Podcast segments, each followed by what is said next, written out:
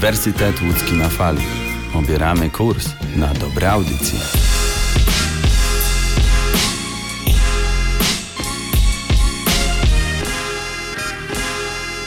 Pogoda za oknem aż prosi się o to, aby wyjść na zewnątrz i korzystać z niej ile się tylko da. Jednak ze względów bezpieczeństwa musimy pozostać w domach, żeby pokonać naszego największego obecnie rywala, jakim jest koronawirus. Wiele w naszej rzeczywistości się zmieniło w przeciągu ostatnich kilku tygodni, ale jedno pozostaje niezmienne. Uniwersytet Łódzki jest zawsze na fali, zawsze z Wami.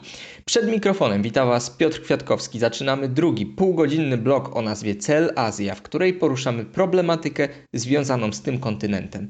Mam nadzieję umilić Wam, naszym drogim słuchaczom, następne 30 minut, w których przybliżę problematykę społeczności wietnamskiej w Polsce. Powiem też, co się dzieje w związku z koronawirusem na terenie Azji Południowo-Wschodniej, a także zdam raport, co obecnie dzieje się w Chinach i prowincji Hubei. Wracam do Was po odrobinie muzyki.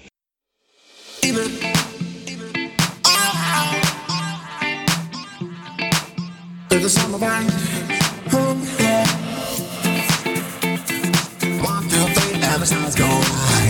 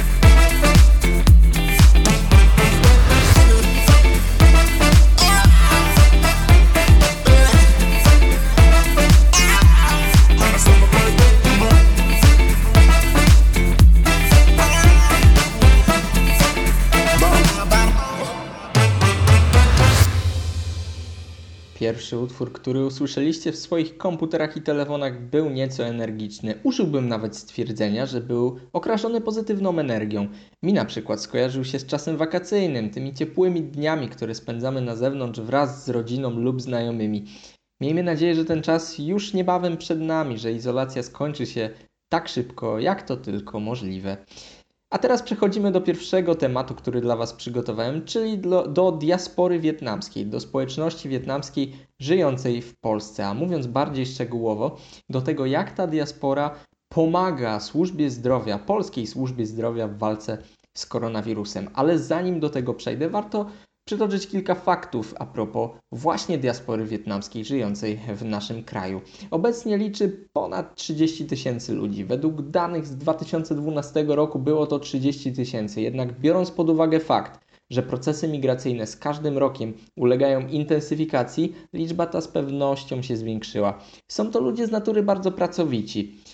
Przeszłości myślę, że dalej istnieje ten stereotyp, że zajmują się u nas głównie gotowaniem i pracami fizycznymi. Jednak w Polsce istnieje ciekawa organizacja, której warto się przyjrzeć. Jest to Stowarzyszenie Przedsiębiorców Wietnamskich, które powstało w 2005 roku, a ich oficjalnymi celami, które możemy znaleźć na stronie internetowej tej organizacji, są rozwój przedsiębiorczości, wzajemne wspieranie się członków stowarzyszenia w inicjatywach gospodarczych, czy też propagowanie zaangażowanych postaw gospodarczych i wiedzy ekonomiczno-prawnej. To pokazuje, że nie tylko gotowanie i nie tylko prace fizyczne mogą być domeną ludności wietnamskiej żyjącej w Polsce, że mogą one, te osoby mogą również napędzać gospodarkę, mogą pozytywnie wpływać na poziom PKB w naszym kraju, a jest to w szczególności w tych czasach, które nadchodzą, ponieważ e, powiem szczerze, że martwi mnie to, jak będzie wyglądał krajobraz po bitwie, bitwie z koronawirusem. Wietnamczycy mogą się bardzo przydać naszej gospodarce. E, ale przechodząc już do ich działań w związku z walką z koronawirusem, jedną z tych pięknych akcji, za, których, za które odpowiedzialni są Wietnamczycy, jest przekazanie Polsce 4000 testów na obecność koronawirusa.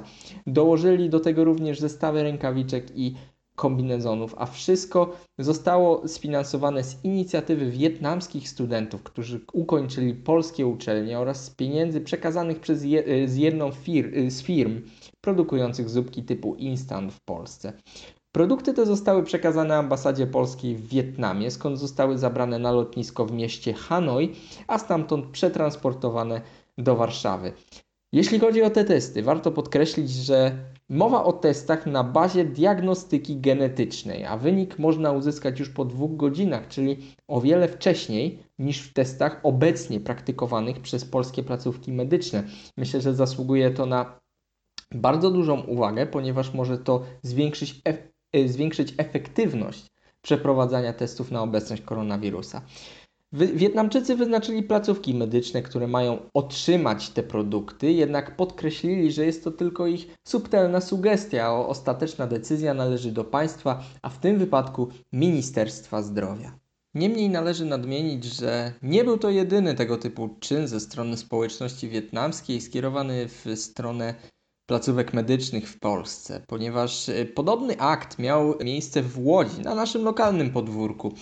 W pewnym czasie Instytut Centrum Zdrowia Matki Polki poprosił o środki ochronne dla pracowników służby medycznej w tym szpitalu i Wietnamczycy w bardzo krótkim czasie zebrali 38 tysięcy par rękawiczek i 60 opakowań jednorazowych e, ręczników. Tutaj widzimy, w tym właśnie widać, jak Wietnamczycy w trudnych chwilach potrafią się zmobilizować, jak dobro wspólne jest dla nich e, ważne i widać tutaj ten azjatycki kolektywizm, czyli poczucie, że dobro zbiorowości jest dobrem nadrzędnym, że indywidualizm nie odgrywa tak dużej roli jak dobro wspólne, ale do czynów godnych pochwały dochodzi również ze strony lokalnych przedsiębiorców, ponieważ właściciele jednego z barów kuchni azjatyckiej gotują świeże posiłki dla lekarzy pracujących w łódzkich placówkach medycznych. Argumentują to tym, że chcą w ten sposób wyrazić wdzięczność dla tych lekarzy, że ryzykują, jakby nie patrzeć, również własne życie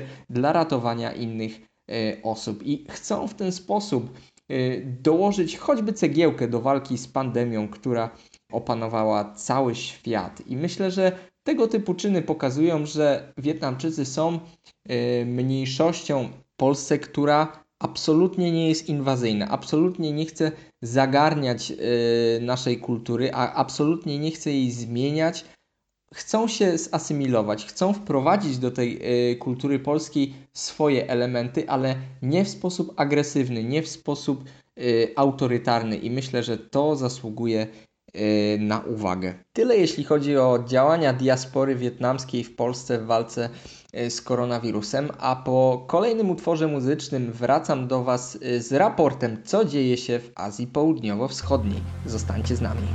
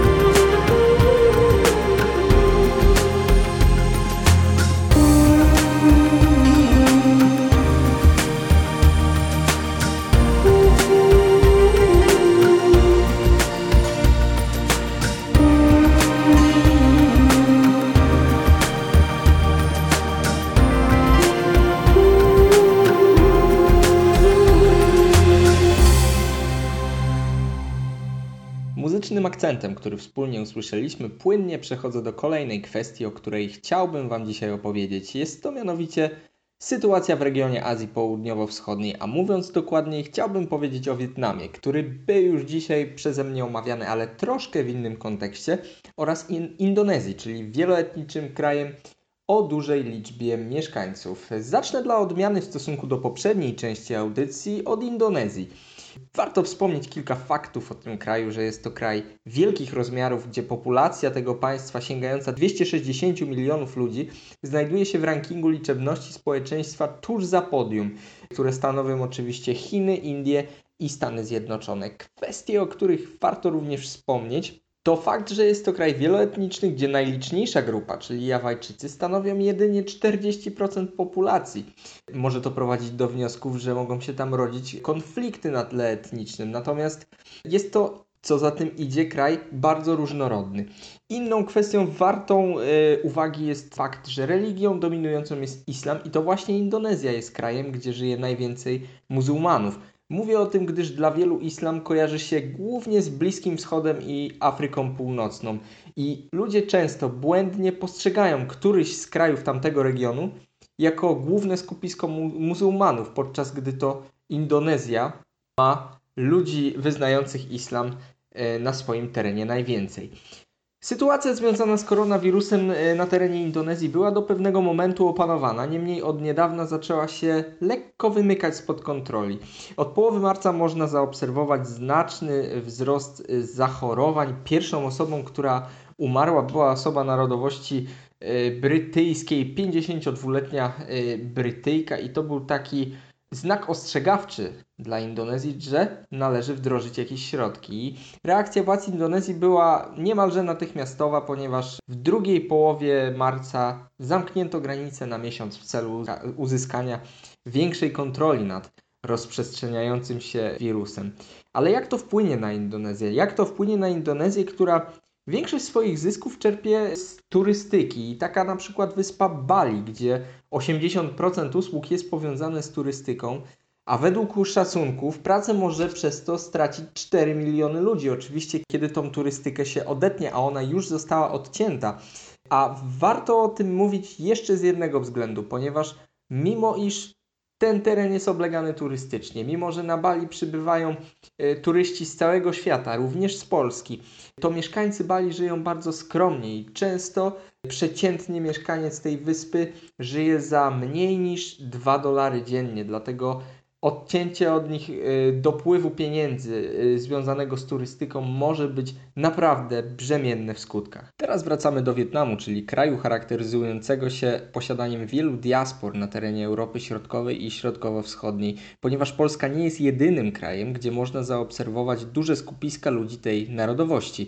Również na terenie Czech i Słowacji żyją duże ilości Wietnamczyków. Tam również wprowadzono dość surowe restrykcje, gdyż liczba zakażeń przekroczyła 200, co wprawiło władze w stan alarmowy, mówiąc językiem kolokwialnym. Teraz funkcjonują tam przepisy w kilku punktach troszkę podobne do tych wprowadzonych na naszym krajowym podwórku, czyli odstępy dwumetrowe, zakaz wychodzenia z domu bez konkretnego powodu, czy zakaz zgromadzeń powyżej dwóch osób. Wprowadzono na terenie Wietnamu znaczne ograniczenia w transporcie lotniczym na odcinkach krajowych, ponieważ jak wyglądają odcinki międzynarodowe, myślę, że wszyscy już, yy, wszyscy już wiemy. Niemniej wygląda na to, że Wietnam jest do pewnego stopnia zabezpieczony, gdyż w trybie pilnym zakupił 200 y, tysięcy testów na koronawirusa od Korei Południowej, która, tak jak mówiłem w poprzedniej audycji, jest stawiana za wzór, jak radzić sobie z tym przeciwnikiem. Warte podkreślenia są dofinansowania, które Wietnam uzyskał od Japonii i Stanów Zjednoczonych. W pierwszym przypadku było to niespełna 2 miliony dolarów, zaś y, w przypadku Stanów Zjednoczonych 3 miliony. Na pozór nie są to kwoty powalające na kolana, w, y, oczywiście mówiąc w kontekście państwowym, ale dla kraju rozwijającego się, jakim jest Wietnam, mogą okazać się bardzo przydatne. I chciałbym na koniec y, tej części y, południo- traktującej o Azji Południowo-Wschodniej powiedzieć coś o całym kontynencie, ponieważ od ponad 10 lat ekonomicznie ten region rozwijał się bardzo szybko. Natomiast koronawirus sprawił, że na giełdzie Azji Południowo-Wschodniej pojawiły się znaczne spadki. Pierwszy raz od 11 lat. Mimo, że wzrosty, które mogliśmy ostatnio obserwować, były raczej fabrykowane przez y, umiejętne narze- y, użycie narzędzi y, polityki monetarnej i fiskalnej, taki spadek w dół jest jednak zauważalny i nie można podejść do niego kompletnie bezrefleksyjnie. Tyle o Azji Południowo-Wschodniej, teraz pora na melodię.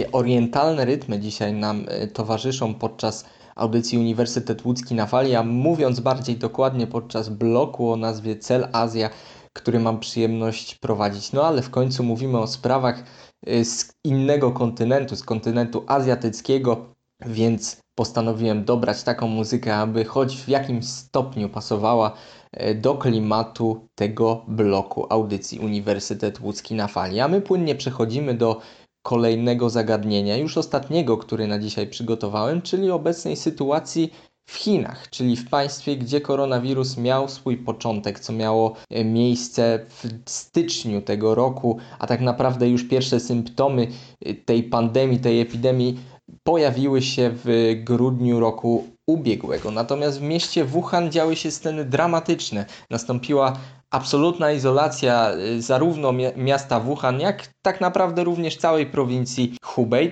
Teraz jednak można mówić o znacznym uspokojeniu sytuacji, mimo że pojawiają się nowe osoby zakażone koronawirusem. Sytuacja nie ma już takiej skali, jaką miała chociażby miesiąc temu, a mówiąc jeszcze bardziej dokładnie dwa miesiące temu.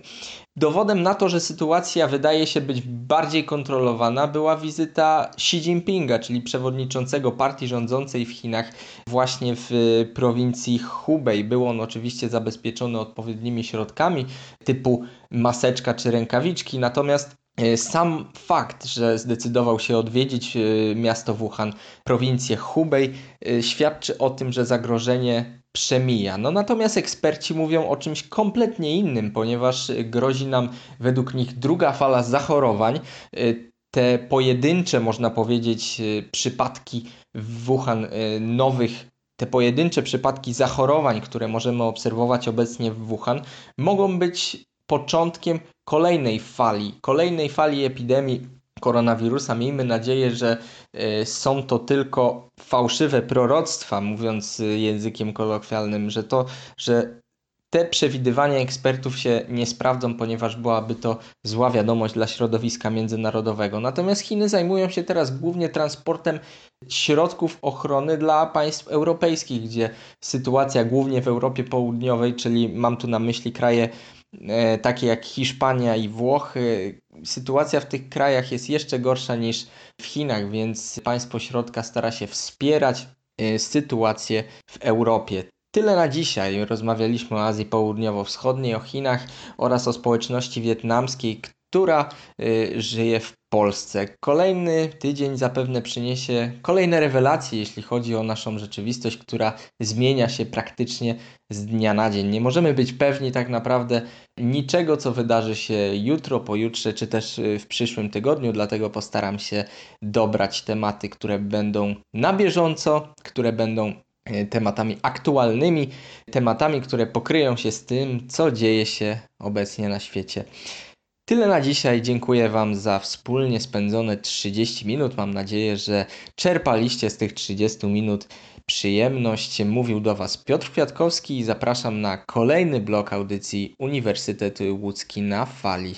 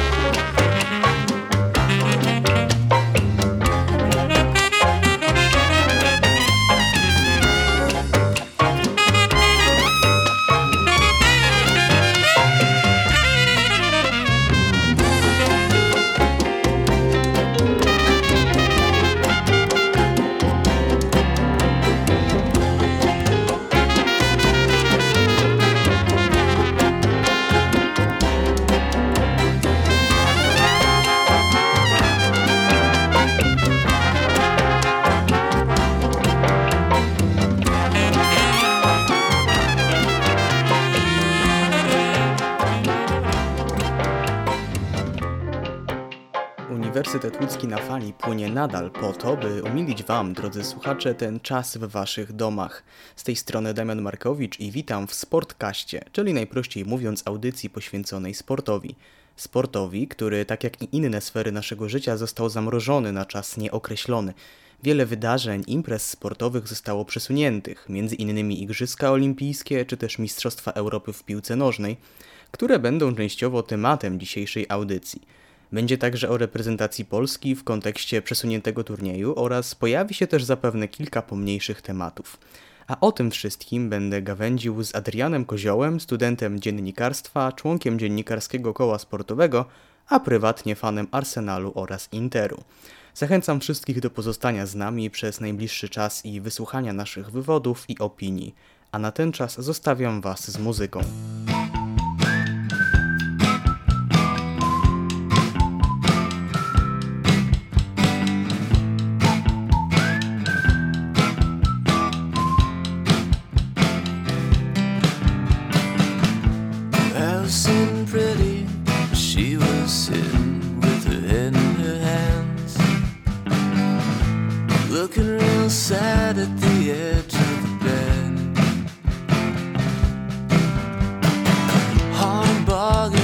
Still feel the jargon on gibberish in my head. These days are so shaky, I want to assure you,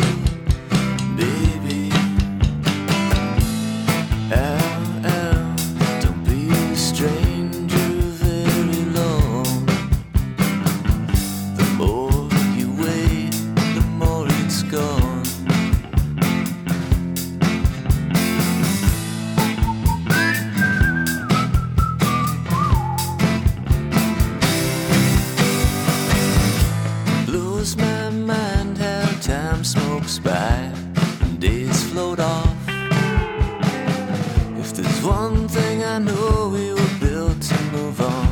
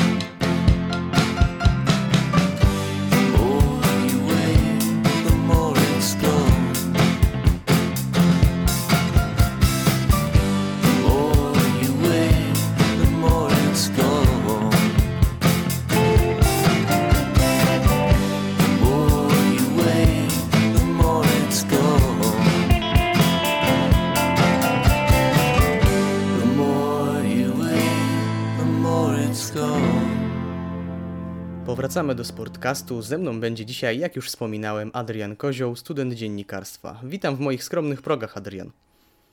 Witam, witam, cześć, witam wszystkich, witam słuchaczy, witam Ciebie. Na początek muszę Cię o to zapytać, ze względu na warunki, w jakich e, nagrywamy i jakie są na całym świecie. Jak spędzasz ten czas bez piłki nożnej i czy wpadłeś już w szał namiętnego oglądania Ligi Białoruskiej? Nie, nie, muszę przyznać, że aż takim e, freakiem e, piłkarskim nie jestem, żeby, żeby tutaj leczyć się Ligą Białoruską, która no wiemy, że jako jedyna jeszcze nie jest tutaj przełożona, odwołana. E, Staram się to spędzać w troszeczkę inny sposób, e, to znaczy no, albo oglądam jakieś starsze, e, starsze mecze, które no, bardziej mnie interesują niż Liga Białoruska niż, no, nie musi to być po prostu koniecznie piłka na żywo, albo po prostu gram sobie w FIFA, co też jest bardzo popularną rozrywką w tym momencie. No i oczywiście, no, powiem tak, bez sportu można wytrzymać, ale nie można wytrzymać bez y, ludzi, bez drugiego człowieka, więc no, konieczne są rozmowy nie tylko z rodziną w domu, ale i ze znajomymi za pośrednictwem różnych y, komunikatorów jak Messenger, Discord, Skype i tak. Wspomniałeś o archiwalnych starszych meczach, tudzież graniu w FIFA. PZPN we współpracy z Łączy Nas Piłka, jak już zapewne wiesz, czego też potwierdziłeś przed rozmową, od dłuższego czasu y, robi co może, aby umylić fanom piłkarskiej reprezentacji Polski tej okres tej sportowej kwarantanny.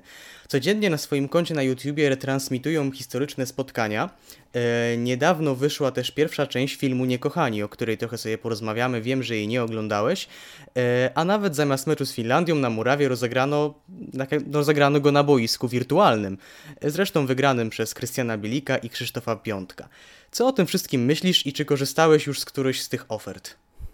Mm, oczywiście, że tak. Przede wszystkim myślę, to chyba na, najwię- największą oglądalność miał e, powtórzony mecz e, Polski z Niemcami wygrany przez biało-czerwonych 5,5 roku temu em, 2 do 0 na Stadionie Narodowym. No to myślę, tam rekordowa widownia się zebrała, żeby jeszcze raz móc to obejrzeć, zwłaszcza, że to było no, po prostu pierwsze i historyczne zwycięstwo nasze nad, nad Niemcami. Drugie mogło być na Euro 2016, no ale tam wiemy okoliczności, no ostatecznie było, było 0 do 0. E, No więc tak, to i oglądałem oczywiście mecz FIFA e, Polska-Finlandia, gdzie, gdzie Krystian Bielik podejmował Glena Kamarę, a e, Krzysztof Piątek zdaje się Brego Soiriego i obydwaj panowie wygrali swój mecz. e, Bielik 5 do 2, a jeśli dobrze pamiętam, Piątek wygrał e, 3 do 1, co, co dało nam zwycięstwo e, 8 do 3. Pamiętam, że oglądałem to z zapartym tchem, zwłaszcza, że e, ze względu na e, fantastyczny komentarz pana Dariusza Szpakowskiego, który potwierdził, że wciąż nadąża za tymi sportowymi faktami i że te pomyłki to są jedynie wypadki przy pracy, a nie to, że się, że się starzeje, bo po tym, co zaprezentował e, podczas komentowania tego meczu w FIFA, e, udowodnił, że absolutnie się nie starzeje. Pan Dariusz Szpakowski oczywiście dał radę w, jako komentator tego wirtualnego meczu, aczkolwiek e, mi w uszy się rzuciło to, że miał mm, w pewnych momentach trudności, bo jednak jak wiadomo FIFA mecze są zdecydowanie bardziej dynamiczne niż te prawdziwe. Tam trwają bodajże dwa razy po 6 minut, a jak wiemy normalne trwają łącznie 90. Y, No tak, no tutaj jest troszeczkę inne warunki, y, plus to, że no mm, nie do końca też myślę, no przygotowywał się tak, jakby komentował mecz y, taki zwykły, na, że tak powiem, na żywo, no więc nie, nie znał wszystkich zawodników, myślę, myślę fińskich, co potwierdzał pierwszy mecz Krystiana Bielika z, z Glenem Kamarą, gdzie pan Dariusz cały czas mówił bramkarz reprezentacji Finlandii, a jest tu Lukas Hradecki, który akurat jest dosyć znanym zawodnikiem, bo jest bramkarzem Bayeru Leverkusen i w tym momencie jest to chyba, myślę, obok temu Pukiego najbardziej znany e, Fin. Także tutaj akurat no, wyszły, wyszedł brak przygotowania, ale wydaje mi się, że ktoś w przerwie między tymi meczami, między tym meczem a, a rewanżem, między Piątkiem a, a Soirim powiedział po prostu panu Darkowi, że on się nazywa Kradecki i żeby zwracał na to uwagę, bo w drugim meczu już cały czas mówił e, o bramkarzu reprezentacji Finlandii e, właśnie Hradecki. Jeszcze tak zapytam, jaki był ostatni mecz y, trans, re, retransmitowany przez y, Łączy Nas Piłka, który oglądałeś podczas tej kwarantanny? Yy, Wydaje mi się, że chyba mecz yy, Polski ze Słowenią, ten zwycięski na zakończenie eliminacji do, do Euro, ten wygrany 3 do 2 po, po bramkach yy, chwila, chwila, Sebastiana Szymańskiego, Roberta Lewandowskiego i Jacka Góralskiego, a tam, tam Ilicic jedną strzelił i nie pamiętam, strzelił na, na 1 do 1, ale na pewno na, pewno na, na 2 do 2 strzelił Ilicic. No to ten mecz oglądałem jako, jako ostatni. Y, oprócz, Ilic, oprócz Ilicicia strzelił jeszcze Tim Matawsz. Matasz, o tak, tak, tak, tak. Kojarzę go, grał w, kiedyś, wydaje, wydaje mi się, w PSV Eindhoven. Tak, ja miałem wczoraj, e, w momencie kiedy to nagrywamy, czyli w poniedziałek, okazję oglądać retransmisję meczu Polska-Portugalia y, jako osta- ostatniego meczu w, y, w Lidze Narodów, 1 do 1. I powiem Ci, że całkiem przyzwoite widowisko, fajnie to sobie jest tak odświeżyć, ale może o tym innym razem. E, słyszałem, że e, nie miałeś przyjemności obejrzeć e, pierwszej części filmu Niekochani. E, więc pozwolisz, że trochę ci przytoczę o czym jest. Jest to e, Jasne. film, będzie, który będzie składał się z trzech części. Następna część będzie w niedzielę najbliższą i ostatnia jeszcze tydzień później. E, Jest to, krótko mówiąc, film o reprezentacji Jerzego Brzęczka, o jego przygotowaniach zarówno do eliminacji, jak i przypuszczam, że przez całe eliminacje pozostałe dwie części będą poświęcone eliminacjom, ponieważ pierwsza część obejmowała właśnie okres Ligi Narodów plus e, towarzyskie spotkania z Irlandią i Czechami. E, I tutaj może trochę zdradzać też, jakie opinie mm, o co do tego filmu panują w internecie. E, Niektórzy jakby mm, ewidentnie są zadowoleni z takiego, a nie innego rozwiązania, jakby jest to kolejne e, medium, mm, które może zapełnić nam ten brak, ten czas, w którym nie mamy dostępu do, do sportu. Aczkolwiek pojawiały się też opinie, że film ten zamiast podbudować pozycję Jerzego Brzęczka w kadrze, jeszcze ją osłabił. Tutaj myślę, że powinienem, powinienem e, zacytować e, dokładnie, aczkolwiek e, mm, rzuciło się słuchaczom w, i widzom w, w uszy i w oczy to, że Jerzy Brzęczek co drugie słowo bardzo lubi mówić panowie. I to jest taki ma mały, mały żart chyba to jest mały żart powstał właśnie z tego, z tego filmu. Ja w sumie z niecierpliwością czekam na następne części. Mhm, rozumiem. Czyli coś jak taki początek Adama Nawałki, w sensie początek filmu o Adamie Nawałce i jego reprezentacji, tylko tym razem jakby na, na warunki e, Jerzego Brzęczka, tak? Tak, tak, tak, dokładnie. Tylko, że wiesz, w tym przypadku, kiedy my dopiero awansowaliśmy na euro, pojawiały się też głosy, że to trochę za wcześnie na takie filmy.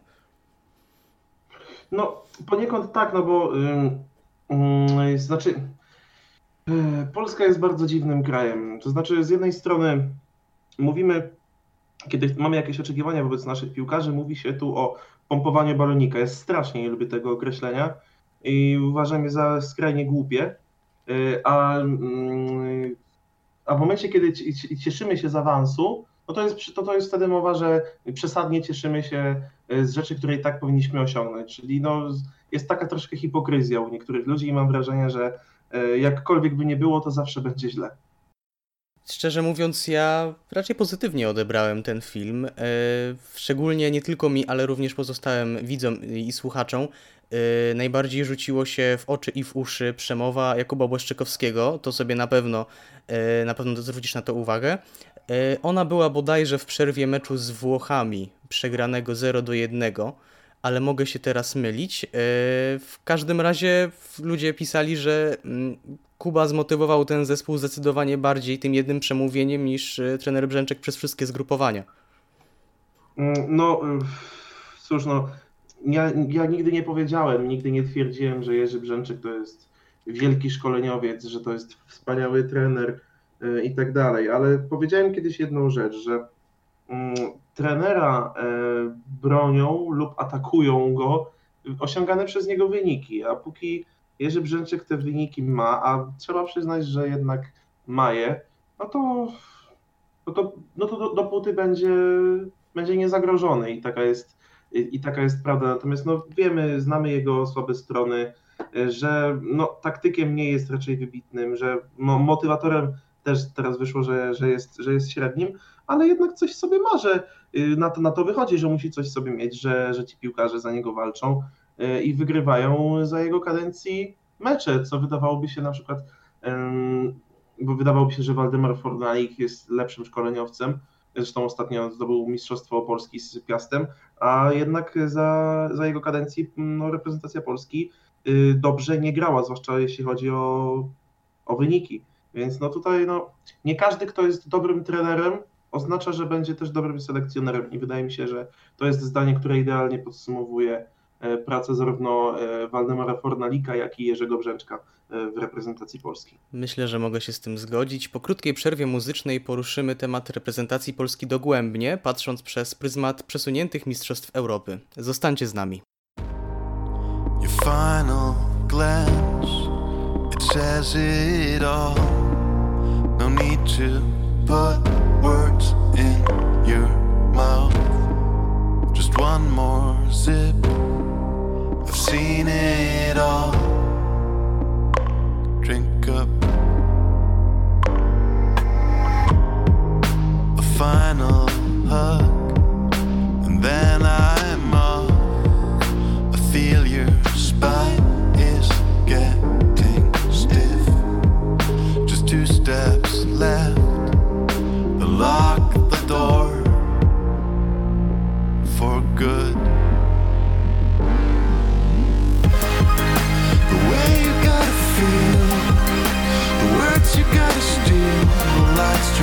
to glow while you're on your way back home. There's one thing you should know. The feeling it just grows. It's gonna make you roam while you're on your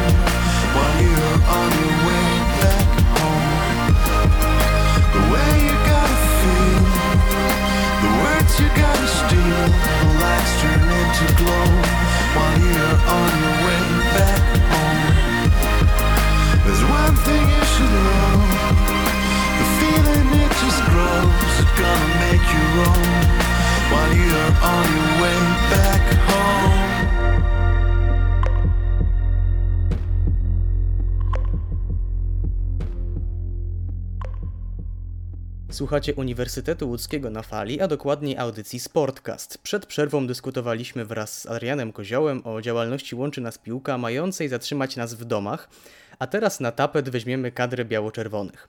Kadrę, która rodziła się przecież w bólach, ale też i kadrę, moim zdaniem, z meczu na mecz coraz lepszą, stopniowo, stopniowo poprawiającą swój poziom gry. A jakie jest Twoje zdanie? Y, Moje zdanie jest takie, że no, może będzie to kontrowersyjna opinia, ale jeżeli spojrzymy na reprezentację Adama Nawałki e, w eliminacjach do Mistrzostw Świata i na reprezentację Jerzego Brzęczka w eliminacjach do Mistrzostw Europy, to mam wrażenie, że kadra Jerzego Brzęczka wcale słabiej na tle tej reprezentacji Adama Nawałki z lat e, 2016 od meczu e, z Kazachstanem do 2017 do ostatniego meczu z Czarnogórą wcale słabiej nie wypada, a może nawet wygląda lepiej, dlatego że było masę tych meczów na styku e, za kadencji Adama Nawałki z reprezentacjami, z którymi tak naprawdę powinniśmy, powinniśmy bez problemu wygrywać. No, mecze z Czarnogórą obydwa były na styku. E, Mecz z Kazachstanem na wyjeździe, no, kompromitujący wręcz remis. Mecz z Armenią na własnym stadionie po pamiętnej aferze alkoholowej, znaczy ona wyszła później, ale no wiem, wiemy co tam się wtedy działo. Już nie, Też wspom- już nie wspominając o meczu z Danią. tak, me, o, no, mecz z Danią u siebie do, do, do y, gola na 3-0 Lewandowskiego graliśmy perfekcyjnie. Od momentu strzelenia bramki na 3 0 coś się kompletnie zepsuło. Potem nagle był znikąd y, gol samobójczy Kamila Glika, później y, przypadkowe też nieco, ale jednak trafienie y, Yusufa Paulsena i nagle jest, nagle jest problem, nagle jest 2 do 3 i do końca meczu w zasadzie no, drżeliśmy y, o końcowy wynik. W zasadzie nie było w tych eliminacjach meczu, chyba w którym mieliśmy taki spokój, no może poza, poza meczem z Kazachstanem u siebie i z Armenią na wyjeździe. No, to jednak nie dawało spokoju. Wydaje mi się, że y, mm, mieliśmy podobną skalę trudności wtedy w grupie, niż teraz miała kadra Jerzego Brzęczka w swojej grupie eliminacyjnej do, do Mistrzostw Europy. E, No a w, lepiej moim zdaniem poradzili sobie teraz e, nasi reprezentanci.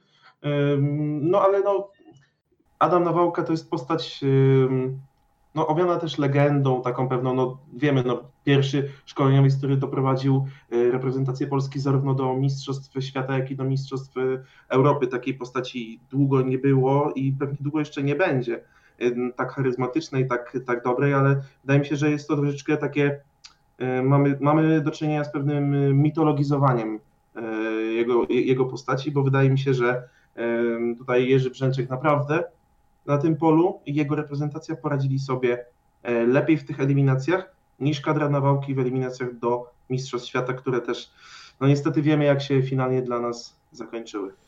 Tam wcześniej nie chciałem ci przerywać, ale nie wiem, może wyparłeś akurat to spotkanie z pamięci, ale mówiłem o rewanżu meczu, z, o rewanżowym meczu z Danią, w którym przegraliśmy 4-0. Oczywiście, że wyparłem to spotkanie z pamięci i no, nie chciałem o nim, nie chciałem o nim za bardzo mówić, no ale ta, tam, tamten mecz to była tragedia, to było najgorsze spotkanie za, za kadencji Adama Nawałki bez dwóch zdań. Nie było gorszego meczu, nawet to 0-3 z Kolumbią na mundialu wyglądało o niebo lepiej. No i, no i niestety, no, wtedy Dania obnażyła nasze słabości i, i pokazała, jak to może wyglądać na mundialu, jeśli nie weźmiemy się do pracy. I chyba niestety się nie wzięliśmy, bo no bo jedno zwycięstwo przy dwóch porażkach y, i to zwycięstwo z Japonią, no to, W no pamiętnym to stylu. rezultat bardzo słaby. Tak, i ta końcówka meczu, z, podłożona muzyka z Benny Hilla, fantastyczna. Przestańmy się może pastwić nad kadrą Adama Nawałki, skupmy się na kadrze Jerzego Brzęczka. Personalnie z wielką niecierpliwością czekałem na mecze towarzyskie z Finlandią i Ukrainą, ponieważ jest parę takich nazwisk, których w kadrze oglądaliśmy mało albo w ogóle nie oglądaliśmy ich, a których w normalnych okolicznościach, moim zdaniem, mogłyby się jeszcze wedrzeć do tej wybranej przez trenera Brzęczka dwudziestki trójki. Przykłady pierwsze z brzegu. Kamil Jóźwiak, Michał Karbownik, Sebastian Walukiewicz. No tak, to są. em, To są nazwiska takie no, bardzo gorące teraz. Myślę, że no, gdyby nie sytuacja taka, jaka panuje obecnie, no to, to, to, to ci zawodnicy latem y, no, pewnie zmieniliby kluby. Zwłaszcza myślę, że, że, że, że Jóźwiak, bo jest y, no, taki najbardziej ukształtowany już, chyba, chyba piłkarsko najbardziej okrzepł. No i też już ma za sobą debiut w, w reprezentacji. Nie zagrał długo, ale, ale zagrał i to jest najistotniejsze. Zebrał doświadczenie, którego y, większość ludzi nie zbierze nigdy w życiu, y, no bo takie są fakty. Ym, No i co, no, cieszmy się, że rosną, że rosną nam, y, nam młodzi, młodzi adepci w futbolu, że, że jest szansa na to, żeby weszli na ten sam poziom, co, co obecnie nasi, nasi reprezentanci z pierwszej kadry, no bo bo niestety nasza kadra jest kadrą starzejącą się już. y, Większość zawodników kluczowych jest po 30 albo, do, albo dobija do 30. No i to akurat najlepsze wieści nie są, więc no akurat y, tacy zawodnicy jak, jak ci, o których wspomniałeś, że, że wchodzą na coraz wyższy poziom, no to nie, jest, nie, jest, nie są to dla nas, nie może jakieś wspaniałe wieści, co po prostu no taki tlen, którego potrzebujemy po prostu. Niewątpliwie największym wygranym tej sytuacji, o ile tak można ten stan nazwać, jest Krystian Bielik, który już miał na euro nie grać ze względu na kontuzję, a tu się okazuje, że w przyszłym roku, o ile w przyszłym roku, być może wybiegnie w pierwszej jedenastce w pierwszym meczu. Tak, właśnie jak, jak, jak wspomniałeś mi o, czym- o czym będziemy rozmawiać, to od razu pomyślałem sobie o właśnie o Krystku Bieliku, który no, no straszna kontuzja i, i wielki pech. Trochę takie, szczęście, trochę takie szczęście w nieszczęściu. Mhm, tak, tak, to, to, to tutaj się zgadzamy na tym polu. Zawsze, go, zawsze mu coś wypadało, to właśnie jakaś kontuzja w, momencie jakimś, a tutaj mu nie dał szansy, a to Węgier, a to Emery w tym Arsenalu, później zmiana klubu, no i teraz wydawałoby się, że wszystko było ok, debiut w seniorskiej kadrze, wydawałoby się, że chyba pewniak, no to na tym młodzieżowym Euro też, e, też świetnie grał e, we Włoszech. No i tutaj nagle taka, taka straszna kontuzja, więc no dla niego jak najbardziej no, taka sytuacja jest, jest pozytywna i miejmy nadzieję, że to się faktycznie y, przełoży na, y, na to, że, że z Krystiana będzie wielkie wzmocnienie naszej linii, czy to obrony, czy to pomocy na, na, tych, y, na tych Mistrzostwach Europy. Pamiętajmy, że to jest bardzo wszechstronny zawodnik, że może grać zarówno w, w pomocy, jak i w obronie, a i potrafi strzelić bramkę. Mówię tak tutaj ciągle o młodych zawodnikach, yy, to dlatego, że chciałbym jeszcze na chwilę odejść od euro i poddać yy, do rozważań sytuację turniejów młodzieżowych w, tej, w tym otoczeniu, w tej sytuacji, w której znalazł się teraz cały świat. No bo tak, przerwane zostały kwalifikacje do Mistrzostw Europy do lat 21. Nie wiadomo kiedy zostaną wznowione, ale turnieju raczej planowo, turniej raczej planowo się nie odbędzie. I teraz pytanie. Co z formułą turnieju? No bo przecież niewykluczone, że zobaczymy na nim zawodników 24-25-letnich. Czy to jeszcze będzie można nazwać turniejem młodzieżowym?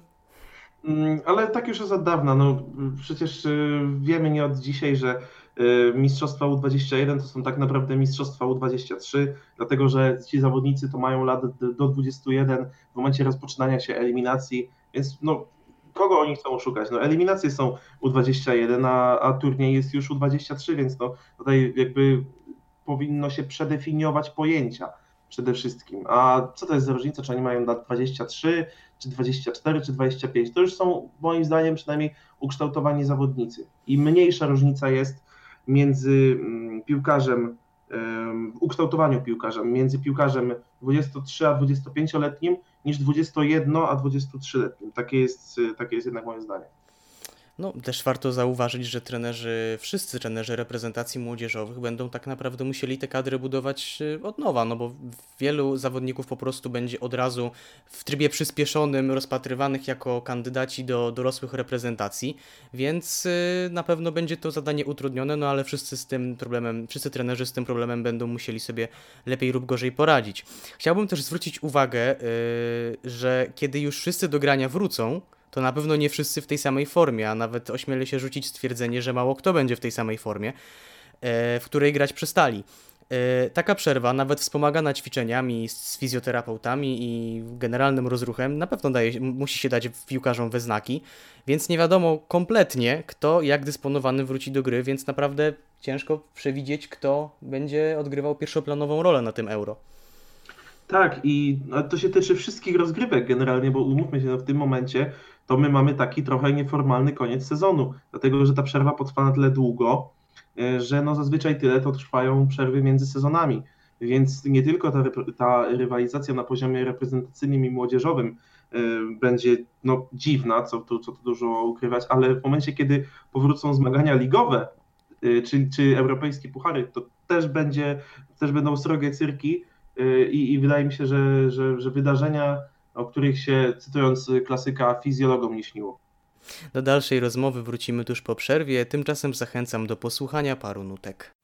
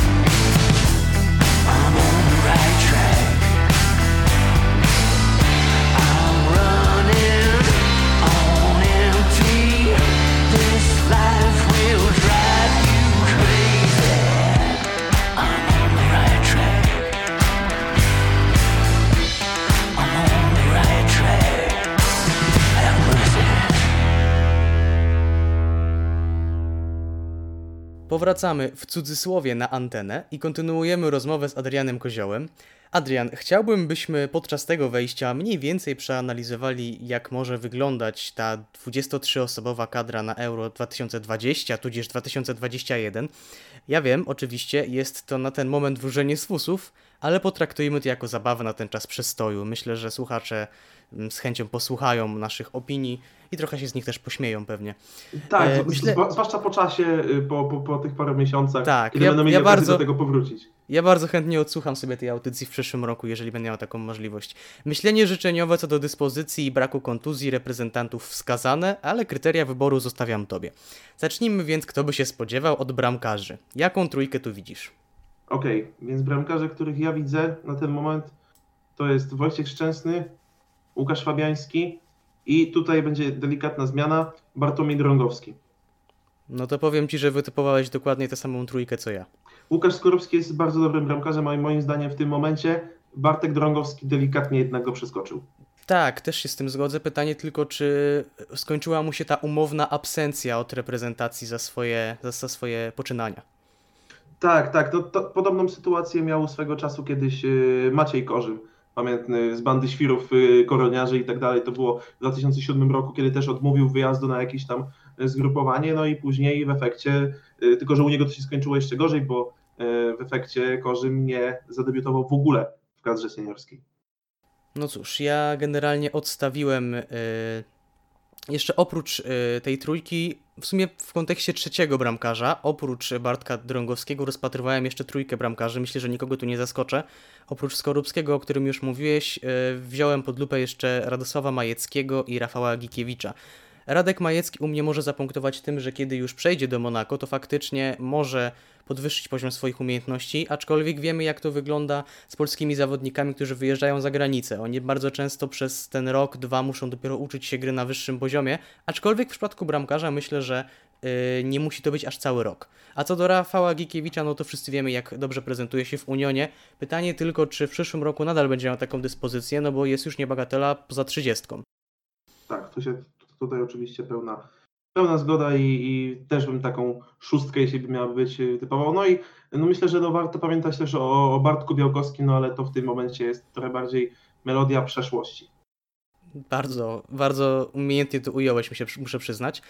Przechodzimy teraz do obrońców, to może teraz dam tobie pierwszeństwo.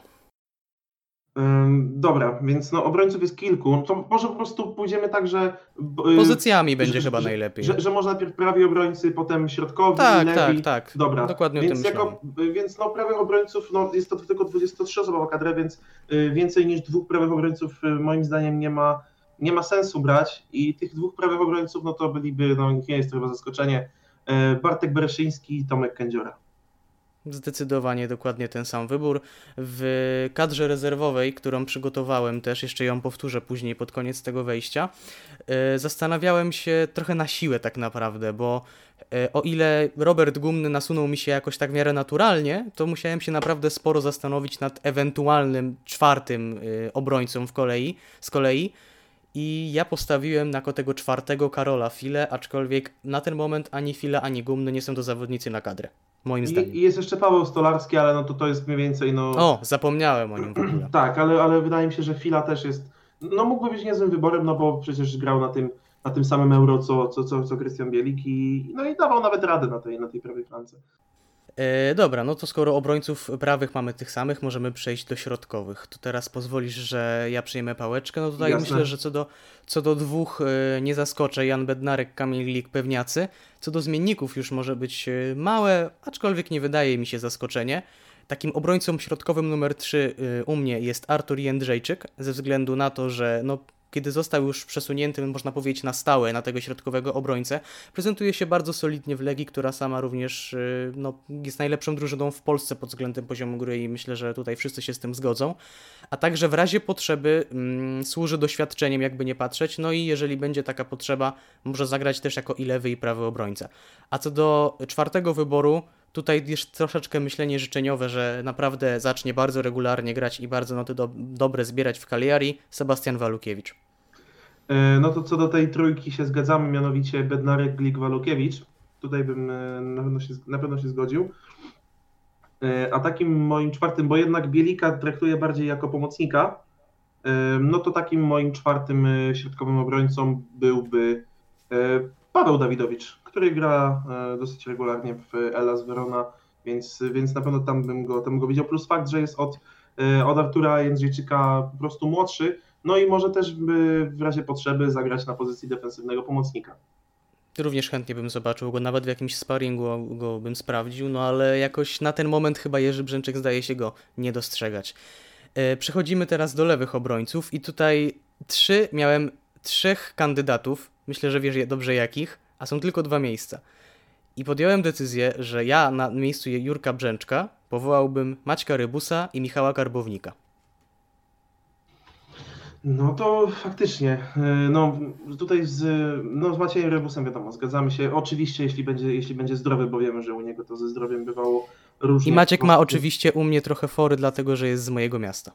A, no to tak, no to, to na pewno, ale no jest, jest dla mnie wyborem numer jeden oczywiście. Jest ten młody kerbownik, chociaż no nie wiadomo jak będzie się, jak będzie się rozwijał przez ten czas, czy, czy nie uderzy mu woda sodowa, mam nadzieję, że nie. do Na ten moment dla mnie Michał Karbownik jest, y, będąc na nominalnym w teorii środkowym pomocnikiem, jest najlepszym lewym obrońcą w lidze. Na dodatek moim zdaniem jest najlepszym młodzieżowcem w lidze.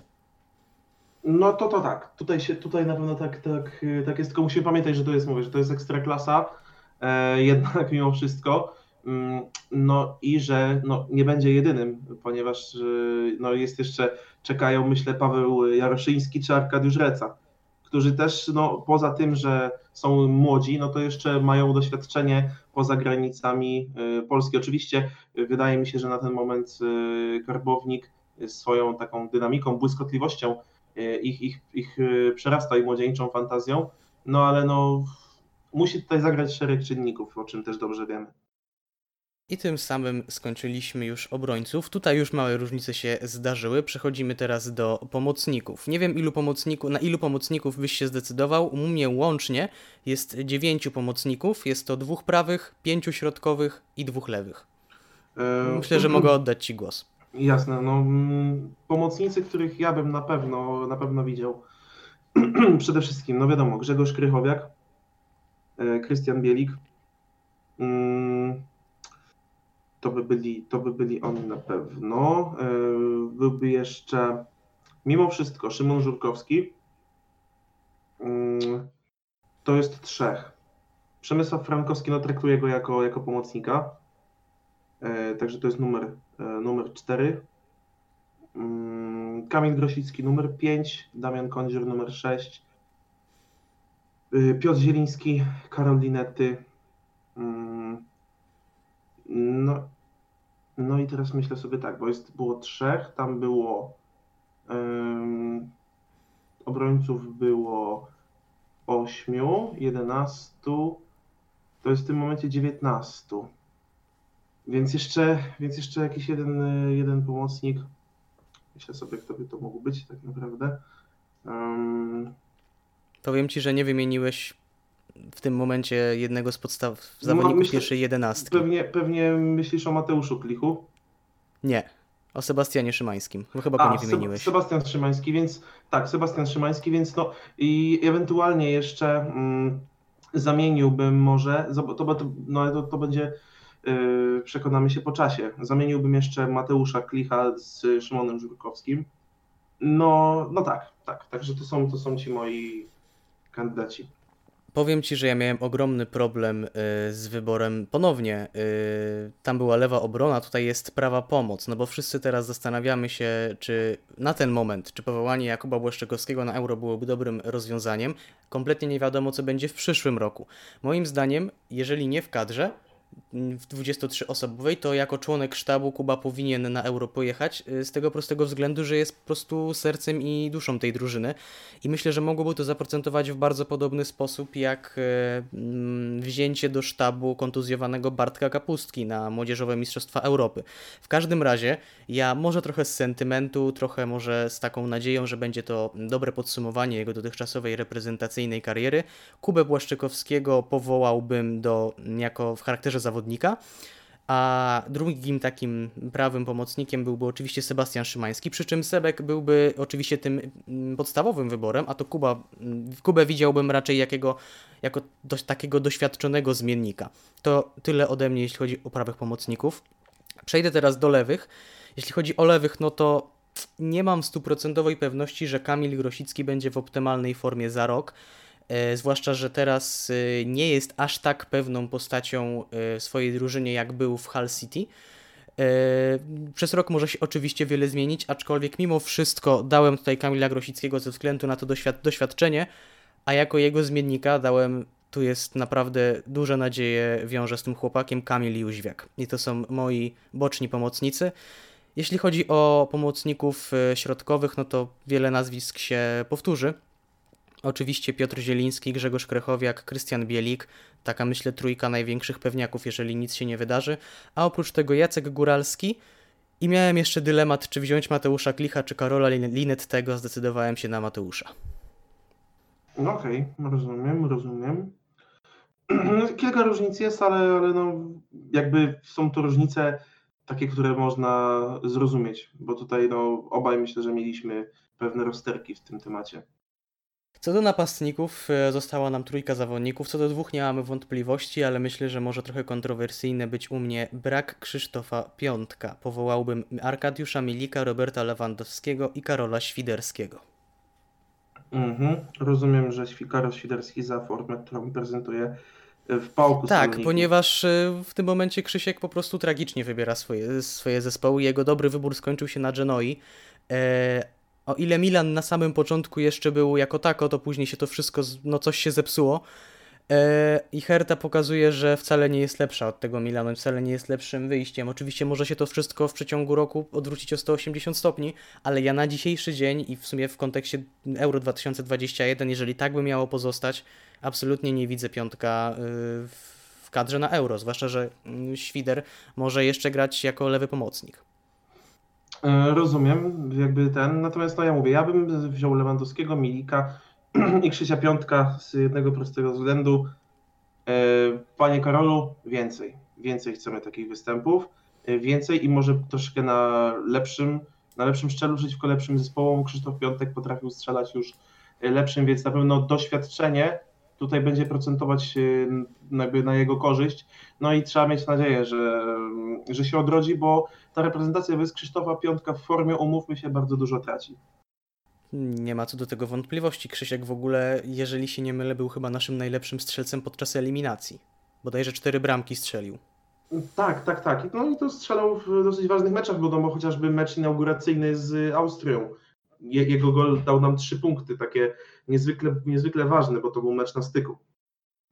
Ja zdecydowałem się jeszcze, bo generalnie skończyliśmy już nasze 23-osobowe kadry, ja zdecydowałem się jeszcze tak chwilkę pomyśleć nad tym, kto po euro może zdecydować się na zakończenie kariery reprezentacyjnej i wytypowałem takich czterech zawodników. E, moim zdaniem największe sza- szanse, bo tu też tak się, trud, ciężko się o tym mówi w kontekście szansy, ale największe prawdopodobieństwo co do końca kariery po euro, moim zdaniem spoczywa na Łukaszu Fabiańskim, Kamilu Gliku, Kamilu Grosickim i Jakubie Błaszczykowskim. Czy myślisz, że ktoś jeszcze? Mm, ciężko powiedzieć. No oczywiście zakładając, że, że, Kuba na te, na te mistrzostwa pojedzie, chociaż wydaje mi się, że jeśli będzie grał dobrze, ostatnio grał, grał nieźle w barwach Wisły, jak i cała Wisła grała dobrze, no to może pojechać. Więc je, je, nie mam wątpliwości, że jeśli Kuba na e, Euro pojedzie, to zakończy po nim swoją karierę. Łukasz Fabiański jest oczywiście no, zawodnikiem w tym samym wieku co Kuba, natomiast jest bramkarzem i mógłby jeszcze grać, tylko no, słyszałem, że podobno przebąkiwało się, że on już miał po mundialu w, w Rosji kończyć karierę, ale ze względu na to, że, tak, że tam tak słabo poszło, to nie chciał w tak słabym stylu po prostu rozstawać się z, z kadrą i dlatego zdecydował się jeszcze, jeszcze trochę pograć. Podobnie zresztą sytuacja Z Kamilem miała Glikiem. Z Kamilem Glikiem, zgadza się. Zresztą musimy pamiętać, że Kamil Glik jest młodszy o 3 lata, ale mm, biorąc pod uwagę, no tutaj może podpadnę jego zwolennikom, ale biorąc pod uwagę jego styl e, prowadzenia się, to w jaki sposób no, czasami wręcz bagatelizuje kontuzję, a styl prowadzenia się miał oznaczać dokładnie to, co, to, co powiedziałem, em, no to jego wiek biologiczny nie wynosi 32 lata, tylko Kamil będzie niedługo dobijał nam do 40. No, też trzeba mm, w kontekście jeszcze Fabiańskiego powiedzieć, że myślę, że on zdaje sobie sprawę, że w tym momencie, mimo że tam mm, jedni, mają, jedni kibice są zwolennikami Fabiańskiego w bramce, inni są zwolennikami Szczęsnego, ja osobiście opowiadam się za Wojtkiem, ale myślę, że Łukasz zdaje sobie sprawę, że w tym momencie nowe pokolenie idzie, z, na czele myślę z, Radkiem Majeckim czy Bartkiem Drągowskim mimo wszystko jeszcze w obwodzie jest, co, nie, co po, zdaniem co po niektórych Kamil Grabara, Marcin Bułka, aczkolwiek na ten moment ci dwaj kompletnie nie zasługują dla mnie na jakiekolwiek minuty w kadrze. Wydaje mi się, że ta czwórka ma, naj, na, ciąży na nich największe prawdopodobieństwo zakończenia kariery. Tak, podobnie no, to, co mówię się Kamil Grosicki, on jakby mógłby jeszcze grać, bo trzyma się całkiem nieźle, ale jest to zawodnik, który e, bazuje w dużej mierze na szybkości i jeśli utraci tę szybkość, no to utraci mnóstwo ze swojej piłkarskiej jakości, e, no co spowoduje, że po prostu zjedzie też jego poziom piłkarski i może to już nie być po prostu poziom e, reprezentacyjny wtedy. To wystarczy się też zastanowić, jak potoczyłaby się kariera reprezentacyjna Kamila y, Grosickiego, gdyby y, plotki o jego transferze do Legii Warszawa, kiedy ostatecznie przeniósł się do Hull City, okazałyby się prawdziwe. Prawdopodobnie już by w tej kadrze nie. Prawdopodobnie tak, zwłaszcza, że przecież y, ominął pierwsze zgrupowanie za kadencji Jerzego Brzęczka, grając w Hull City. Tak, tak. No ale no i tam wiemy, że miał różne tam rozterki prywatne na Twitterze i tak dalej, ale wypowiedzi polskich piłkarzy i dziennikarzy sportowych niektórych na Twitterze to jest temat. y, Temat naprawdę, rzeka. Moglibyśmy tutaj o tym rozmawiać, ale no chyba nie chcemy sobie y, psuć nerw i naszym słuchaczom też. I być może opinii. Tak. Słuchaj, ja tutaj pokusiłem się też o kadrę rezerwową. Większość, e, może nie tyle większość, ale parę z tych nazwisk już się mm, przewinęło. Co do bramkarzy, powiedziałem ich wszystkich, Radek Majecki, Łukasz Skorupski, Rafał Gikiewicz. Jeśli chodzi o obrońców, mm, no to z prawej strony w- moim przypadku też już powiedziałem Karol, Robert Gumny, Karol Fila. Co do lewej, lewej strony Arkadiusz Reca i ja tutaj e, też zapomniałem o Pawle Jaroszyńskim, ale w sumie na ten moment, na ten moment nie uważam, żeby żeby to był zawodnik na kadrę. Prędzej dałbym swoją, dałbym szansę Tymkowi Puchaczowi, przy czym ja mam świadomość, że to jest chyba w tym momencie zawodnik, którego sztab Lecha widzi bardziej jako y, lewego pomocnika. Jeśli chodzi o środek obrony, doświadczona para Michał Pazdan, Jago Cionek, a także z tych zawodników, którzy, popraw mnie jeśli się mylę, jeszcze nie grali w pierwszej kadrze, Mateusz Wieteska, Paweł Dawidowicz. Mm, Wieteska na pewno nie grał, ale Dawidowicz chyba też mimo tego, że był na zgrupowaniach, to jeszcze, to jeszcze nie zagrał.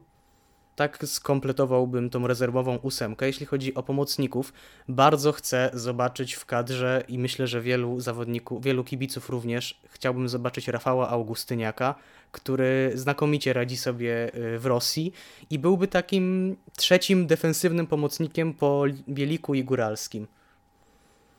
No, myślę, że myślę, że, że, że fajnie byłoby go sprawdzić, przetestować i to jest też taka, no mimo wszystko melodia jednak przyszłości, e, ale mm, no miejmy na niego baczenie, bo może być z niego kawał No z tą, z tą przyszłością też y, nie przesadzajmy, on ma chyba teraz 25 albo 6 lat. No, czyli mniej więcej tyle, co cytując klasyka Młody Talent Piotr Zieliński.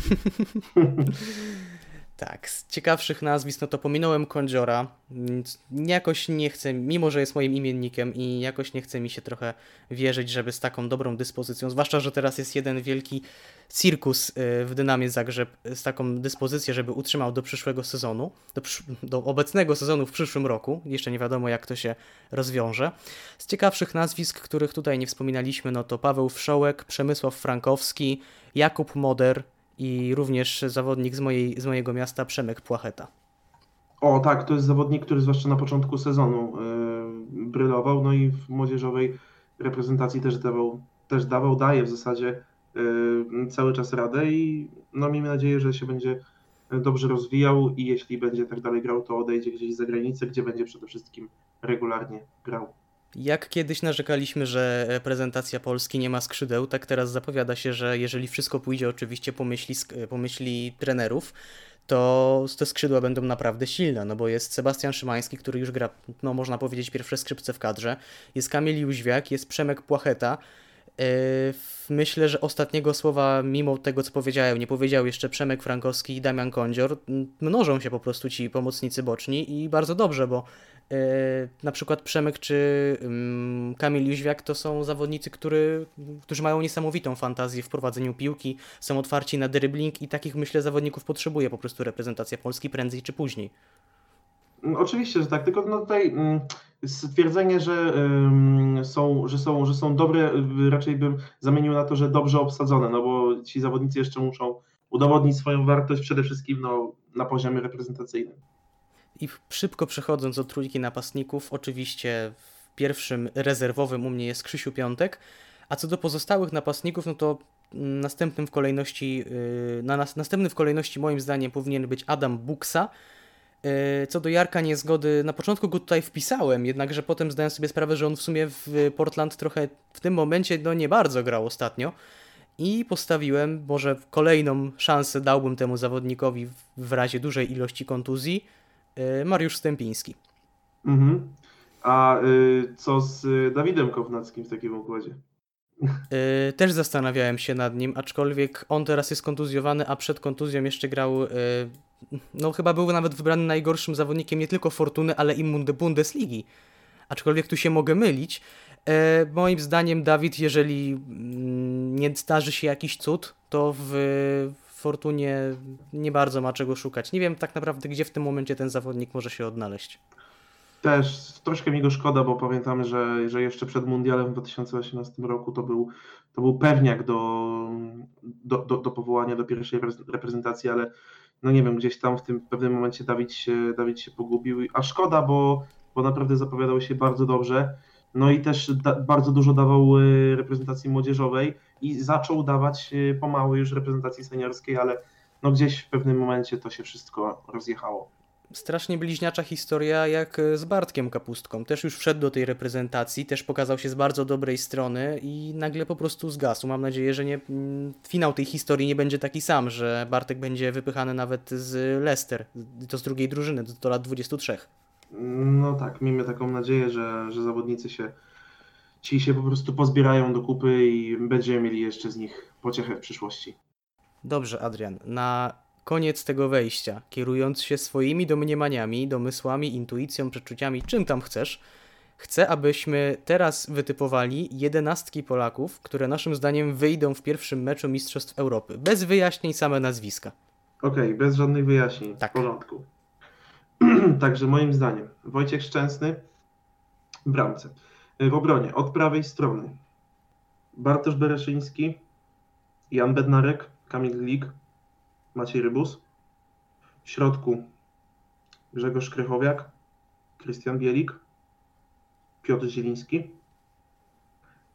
Na skrzydle zagra Sebastian Szymański, Kamil Grosicki i w ataku Robert Lewandowski.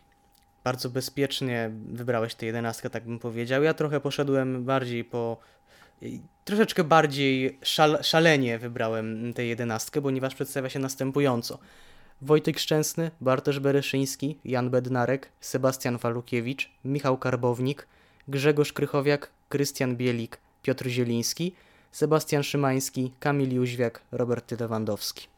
No to ma, ma, ma, mamy, chyba- mamy chyba dwie, dwie albo trzy różnice tylko, także nie, nie jest to dużo. Miejmy nadzieję, że jak najwięcej osób się sprawdzi, ponieważ bardzo młodą jedenastkę wybrałem. No, to na pewno. I, no i miejmy nadzieję, że ostatecznie też ci zawodnicy e, udowodnią swoją wartość i będą mieli czego szukać w tej reprezentacji. I jeśli chodzi o dywagację co do reprezentacji i euro, to tutaj stawiamy kropkę, ale nasza rozmowa jeszcze się nie kończy, o czym przekonasz się w następnym wejściu, ponieważ mam dla Ciebie pewną niespodziankę, która sprawdzi Twoją wiedzę, ale bez obaw powinieneś sobie bez problemu poradzić. Wy również zostańcie z nami.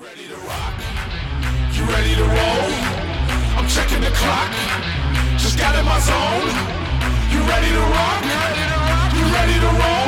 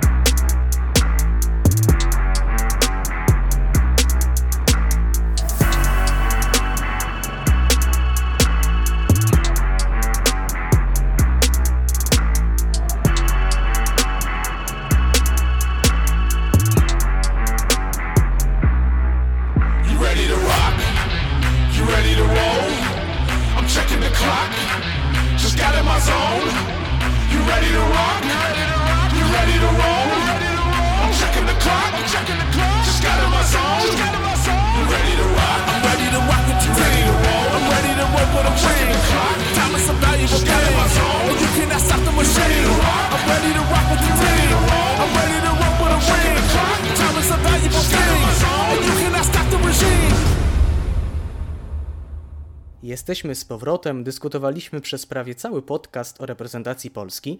To teraz czas na małą zmianę tematu i ruszenie szarych komórek Adriana. E, Adrianie, mam dla ciebie pewne zadanie, tak tutaj zarymuję. E, Poczujesz się w nim, jakbyś był w piłkarskim pokerze u Konrada Szymańskiego. E, Jak wiemy, jesteś fanem zarówno Arsenalu, jak i Interu.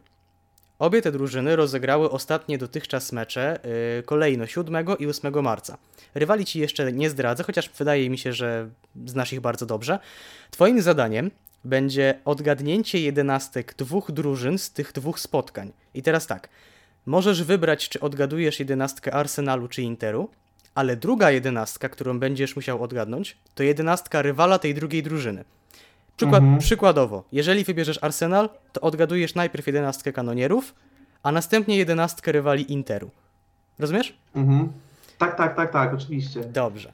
Yy, a rywali, yy, a rywali mm, tej drugiej drużyny, którą będziesz musiał odgadywać, zdradzę ci już po wyborze yy, ulubionej drużyny, którą będziesz zgadywał. Ale myślę, że jak już powiedziałem wcześniej, że wiesz z kim oba te drużyny grały. Dobrze więc, a więc jaka jest twoja decyzja? Czy zgadujesz najpierw yy, Arsenal czy Inter? Yy, Myślę, wydaje, wydaje mi się, że najpierw pójdziemy w, chyba w Arsenal. Czyli najpierw zgadujemy Arsenal, a potem zgadujemy rywali Interu, tak? Tak jest. Dobrze. Powiem ci, że wydaje mi się, że będziesz miał łatwiejsze zadanie niż jakbyś wybrał Inter, bowiem najpierw będziesz zgadywał Arsenal z ostatniego meczu, a następnie będziesz zgadywał Juventus. Okej. To tak, bo oczywiście, bo wtedy, wtedy był mecz z Juventusem. Okej, O, cze- czekaj, czekaj, czekaj, muszę włączyć stoper. okej, okej, okej. Dobrze, muszę ci zaufać oczywiście, że nie, nie wspomagasz się internetem. Mm, Nie, nie, nie. Będziesz nie mam, miał- nie mam takiej potrzeby. Będziesz miał na to dwie minuty. Czas start. W porządku. W bramce Bernleno. Tak, Yy, W obronie od lewej na pewno Bukayo Saka. tak, Yy, Grali Dawid Luiz, bo to był mecz z West Hamem. Dawid Luiz z Pablo Marin. Wtedy Pablo Marin debiutował. dokładnie. Znaczy nie, debiutował z Portsmouth chyba, ale wtedy, wtedy też zagrał na pewno. Yy, I na prawej obronie zagrał, bo zagrał dobry mecz z Portsmouth, na prawej obronie zagrał nominalny stoper Sokratis. Tak jest. I w środku Granit Xhaka, na pewno, bo to pewniak yy, od pewnego czasu u Artety. Yy, obok Granita zagrał hmm, hmm, hmm. Dani Ceballos. Dokładnie. Okej. Yy, Na lewym skrzydle Pierre-Emerick Aubameyang, bo on ostatnio tylko tam grywa Tak jest. u Artety. Nikola Pepe na prawym. Tak jest. Yy, I dwóch pewniaków też ostatnio Mikel Artety, czyli na e, pozycji środkowego pomocnika ofensywnego Mesut Özil i na środku ataku e, Edin Ketia, bo ostatnio wygryzł ze składu Lacazeta. Nie spodziewałem się szczerze mówiąc, że aż tak szybko sobie z tym uporasz i bez żadnych problemów. Wszystkie 11 nazwisk bezproblemowe. Zastanawiam się, czy teraz nie będzie ci zdecydowanie trudniej, no bo jak wiadomo, yy, skupiałeś się pewnie w tym meczu na Interze, aczkolwiek myślę, że ze względu na mm, rozmiar tego klubu, yy, jakim jest Juventus, niewątpliwie to nie powinno być aż tak trudno. Skład Juventusu w, z meczu 8 marca z Interem. Czas. Juventus, okej, okej, jasne. Ojej, e, Wojtek Szczęsny w bramce. Dokładnie. boki, obro- to będę trochę strzelał, bo, y, bo, bo, bo mm, ten mecz tak jednym okiem trochę oglądałem, bo to był weekend. Okej, boki obrony. Quadrado, Alessandro, Tak? Oba zgadłeś? bo ostatnio grają takimi bokami. Y, Giorgio Chiellini jeszcze nie wrócił do pełni sprawności, więc na środku grali na pewno Delict i Bonucci, Dokładnie. a Demiral zerwał więzadła, więc też nie pogra. W środku Ramsey. Tak. Strzelił bramkę, więc no jakby no, utkwiło mi to w pamięci. Blaise Matuidi, Mhm. jeśli dobrze kojarzę, to w tym meczu nie grał Miralem Pjanic, tylko Rodrigo Bentancur. Dokładnie. Mm, I w środku, y, na środku ataku, bo grali 4-3-3, zresztą Juventus tak gra w zasadzie cały czas, e, od pewnego czasu. Y, Cristiano Ronaldo, Mhm. em, Paulo Dyba, nie, Paulo Dybala w tym meczu wszedł z ławki i strzelił chyba bramkę nawet. E, Douglas Costa, czyżby? Tak, był. I jeśli nie grał Dybala, no to mógł być tylko Gonzalo Higuain na ataku. Powinienem dać Ci dwie minuty na obie jedenastki, bo poradziłeś sobie zdecydowanie za łatwo. Adrianie, bardzo dziękuję za uczestnictwo w Sportkaście. Mam nadzieję, że ostatnia godzina, w sumie trochę lepiej, yy, spędziłeś się, mam nadzieję, w dosyć przyjaznym klimacie. Jasne, oczywiście. Nie spodziewałem się trochę tego ostatniego, trochę mnie to zaskoczyło, ale na szczęście, na szczęście te szare komórki jeszcze gdzieś tam pracują i pamięć, yy, pamięć też, więc chyba jeszcze nie starzeje się. Oczywiście, że nie. To by było na tyle w dzisiejszym Sportkaście. Dzisiaj towarzyszył mi Adrian Kozioł. Wielkie dzięki. Ja odsyłam Was do Janka Piekutowskiego i Pawła Ogórkiewicza. Dzięki za słuchanie. Do następnego. Cześć.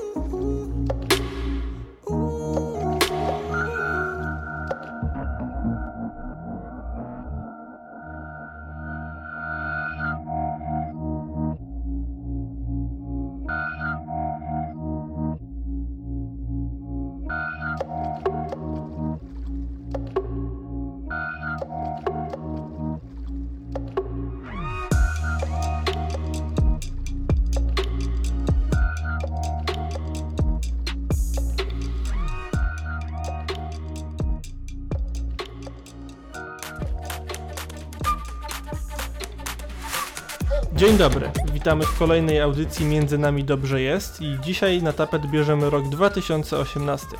A w tej sentymentalnej podróży towarzyszyć mi będzie ktoś, kto przychodzi jak kot po nocy ćmej, czyli Paweł Górkiewicz. Cześć. E, Mnie natomiast będzie towarzyszyć ktoś, kto o rozwarte drzwi kawiarni grzbiet ociera jak czarny kot. O- Także zrobiło nam się tutaj e, mraśnie. To ja tylko E, dodam, że mną- nazywam się Jan Piekutowski, bo Właśnie Paweł tak. popłynął z tą y, metaforą i zapomnieliśmy. Dobrze, w każdym razie możemy chyba zaczynać. Tak jak wspomniałem, dzisiaj rok 2018 i pozwolę sobie teraz oddać Tobie głos. Zapytam tym samym, co tam dla nas przygotowałeś.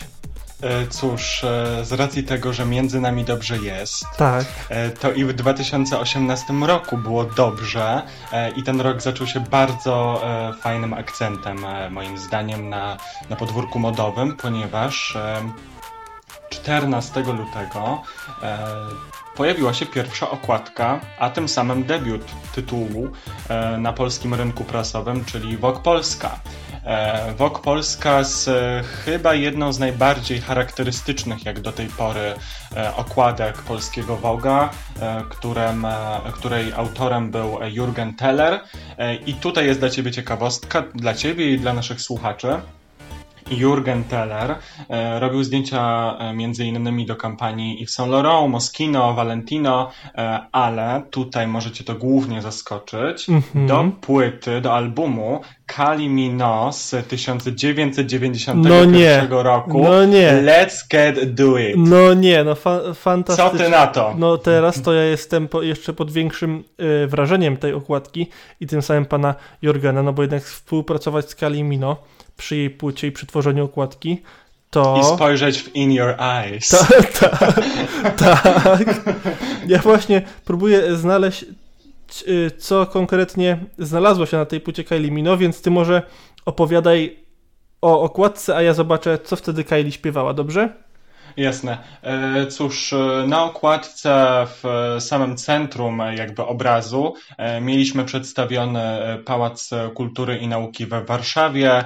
Na okładce pojawiła się piękna Ania Rubik i bardzo magnetyczna Małgosia Bela, która jest w tym momencie dyrektor kreatywną polskiej edycji Woga. Moim zdaniem okładka, hmm, jeżeli miała wzbudzić kontrowersję, jeżeli miała zwrócić uwagę e, odbiorcy, e, to się to udało, bo Filip Nidenthal, czyli redaktor naczelny pisma, on cały czas powtarza w e, wywiadach do dzisiaj, niedawno obchodziliśmy drugie urodziny Woga, więc znowu ten temat się przewinął, on cały czas powtarza, że ta okładka faktycznie zwróciła uwagę e, ludzi. Pojawi- Pojawiło się bardzo dużo e, hejtu, bardzo dużo memów też powstało e, związanych z tą okładką, wykorzystującą motyw pałacu, tej czarnej wołgi.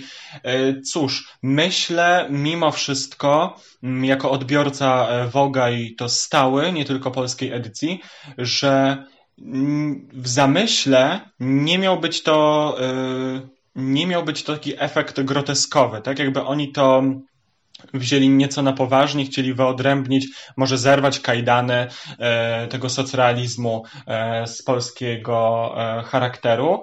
Natomiast wydaje mi się, że później to, co się działo, to nie było przewidziane. Mhm. Także tłumaczenie tego dzisiaj, że e, bardzo fajnie się stało, że to miało zwrócić uwagę, jest troszeczkę na wyrost. No ja jako totalny laik, jeżeli chodzi o aspekty modowe, bo za takiego się uważam, to muszę przyznać, że ta okładka numeru jeden w jeżeli chodzi o Woga w Polsce, to mnie podobała się bardzo. Wygląda nawet troszeczkę jak taki plakat filmowy. Byłem nią bardzo miło zaskoczony, przyznam szczerze. Aczkolwiek nie wiem, być może teraz strzelę gafę, ale tak mi się coś wydaje, że to był ten numer, ten sam numer, w którym pojawiła się ta słynna sesja z ziemniakami, prawda? Oczy- oczywiście. No. E, oczywiście. To wytłumacz mi to, bo ja nie wiem, ja nie rozumiem. Wiesz co, no, wydaje mi się, że znowu ten pierwszy numer e, to miało być e, wyciągnięcie takiej, cóż, e, bardziej karykaturalnej bądź nie e, kwintesencji polskości. E, Cóż, e, Polska kojarzy się właśnie z ziemniakami. To e, bardzo pesymistyczny obraz, chciałem ci powiedzieć. No, słuchaj, no, sama okładka nie, nie była e, pozytywna. E, Chodzi mi tutaj o wydźwięk e, polityczny Mhm. ponieważ to nawiązanie do, e, do socjalizmu. E, Wiesz co, wydaje mi się, że, że te ziemniaki, cóż, e, dla mnie to też była raczej sesja nieudana, e, sesja bardzo artystyczna, tylko pytanie, e, czy estetyczna. E, Chociaż o estetyce można było, można się rozwodzić na godziny, a nie minuty i, roz, i naukowcy, badacze tematu rozwodzą się od starożytności. Mm, Wiesz co, wydaje mi się, że więcej razy tego błędu nie popełniono, a może tak. Rozumiem, a teraz tak zapytam tro- troszeczkę w temacie naszych e, zajęć właściwie online, które odbywamy. Gdybyś miał ocenić, czy tam ta reklama Woga, sesja re, e, reklamowa Woga z owymi ziemniakami i też ta okładka jest reklamą dobrą, to czy byś tak powiedział, czy jednak byś stwierdził, że zachodzą pewne niezgodności między zastosowanymi środkami a tym, co mm, autor chciał przekazać, czyli między tym światem przeżyć? Wiesz co, wydaje mi się, że nie są to mimo wszystko reklamy dobre. E, Rozumiem Twoje e, pytanie, dlatego staram się tutaj jakby przybliżyć e, naszym słuchaczom też w jaki sposób możemy oceniać reklamę, tak tymi podstawowymi kryteriami. Chociażby adekwatność formy do treści. Sesja z ziemniakami i nagle modelka leżąca na tym kopcu, liżąca po prostu jednego kartofla z, z tego kopca. Ja mieszkam na wsi, e, uczestniczę w wykopkach i no, e, nie liżemy ziemniaków leżąc na kopcach. Nawet jeżeli to jest okraszone e, aurą taką artystyczną, ponieważ ja jestem na sztukę bardzo otwarty, jestem bardzo liberalny, jeśli chodzi o, o odbiór pojęć artystycznych, to mimo wszystko tutaj to było takie balansowanie na granicy, może nawet pokuszę się o stwierdzenie dobrego smaku. Mhm, dobrze, w pełni cię E, rozumiem. Tak, także takie jest moje zdanie, e, aczkolwiek e, aby nasi słuchacze wyrobili sobie własne, to może pozostawimy ich e, z e, nutą, nutą e, o tytule Fire Up the Dance Floor. Dobrze, to teraz piosenka, a my zaraz wracamy.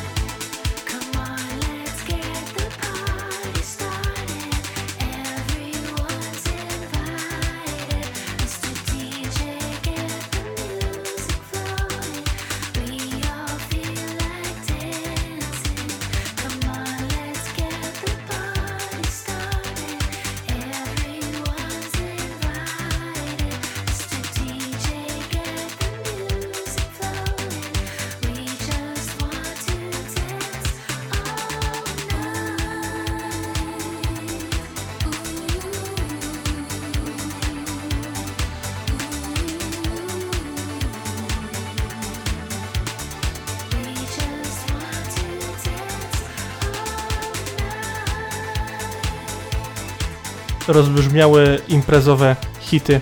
Hit właściwie na razie jeden wybrany przez, przez, przez Pawła.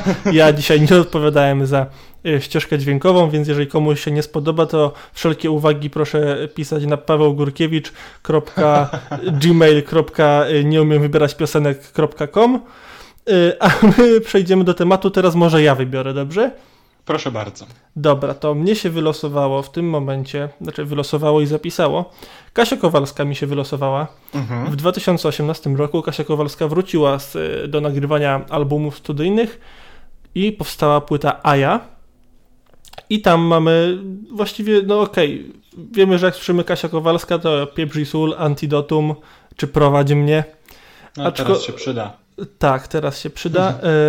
E, życzymy oczywiście zdrowia córce Kasi Tak. Kowalskiej i dużo spokoju, aczkolwiek chciałem porozmawiać o stricte płycie, która według mnie jest też całkiem dobra. No mamy tam na przykład tytuł, którego ja się nie ośmielę w całości przeczytać, więc powiem tylko to, co jest w nawiasie. Tak niewiele chcę i uważam, że to jest jak na standardy polskiego popu bardzo, bardzo taka sprawnie zaaranżowana piosenka, sprawnie wszystko poszło swoją drogą. y, Piosenka tytułowa, czyli Aja, była nawet, uwaga, nagrywana w Stanach. Wiesz? Myślałem, że e, trudność w przeczytaniu sprawia ci właśnie Aja. Nie, E, mówiłem o tytule Al, Alanach. Alana. Alana, nie wiem. Tak. Yy, wiesz co, nie wiedziałem, że była nagrywana w No, Stanach, widzisz, proszę. e, także zaskoczyłeś mnie tym, aczkolwiek no, e, jeżeli miałbym e, wybrać któregoś z nas e, w kategorii fana Kasi Kowalskiej, to myślę, że tobie jest e, do niej bliżej, aczkolwiek występ z Eurowizji nadal pamiętamy, fantastyczny, czerwona suknia, e, chcę znać swój grzech. Tak. E, Wiesz co, e, ja przesłuchałem tę e, tę płytę e, i ja też uważam, że ona jest bardzo w porządku. Nie słyszałem, żeby została odznaczona jakimiś nagrodami. Nie, nic, nic się nie, nie przypadło Kasi za tą płytę. A, a myślę, że, że spokojnie coś można byłoby tutaj, coś tutaj wybrać i, i nominować spokojnie na przykład do, do Fryderyków. Do Grammy. Mm, No słuchaj, czas zgłosić kandydaturę w takim razie. Wiesz co, z tymi grami jest tak, że w tym momencie e, ta nagroda straciła troszeczkę na swojej wartości, mam wrażenie, bo ja z kolei bardzo ubolewam tak nawiązując do Grammy, e, ponieważ w 2018 roku pojawiła się też płyta mojego ukochanego zespołu Florence and the Machine, e, płyta Highest Hope i ta płyta jest naprawdę fantastyczna, ona jest dojrzała, jest e, świadoma w tekst, w dźwięk, a nominacji żadnej nie uzyskała.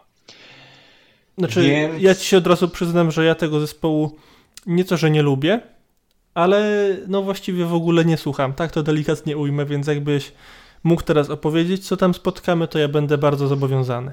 Wiesz co, ta płyta e, jest bardzo inna, mam wrażenie. Znaczy, ona jest inna, a jednocześnie e, spójna ze stylistyką prowadzoną e, przez Florence and the Machine, ponieważ ta płyta jest bardziej patetyczna. E, To są bardzo mocne teksty, takie uderzające w e, moralność człowieka.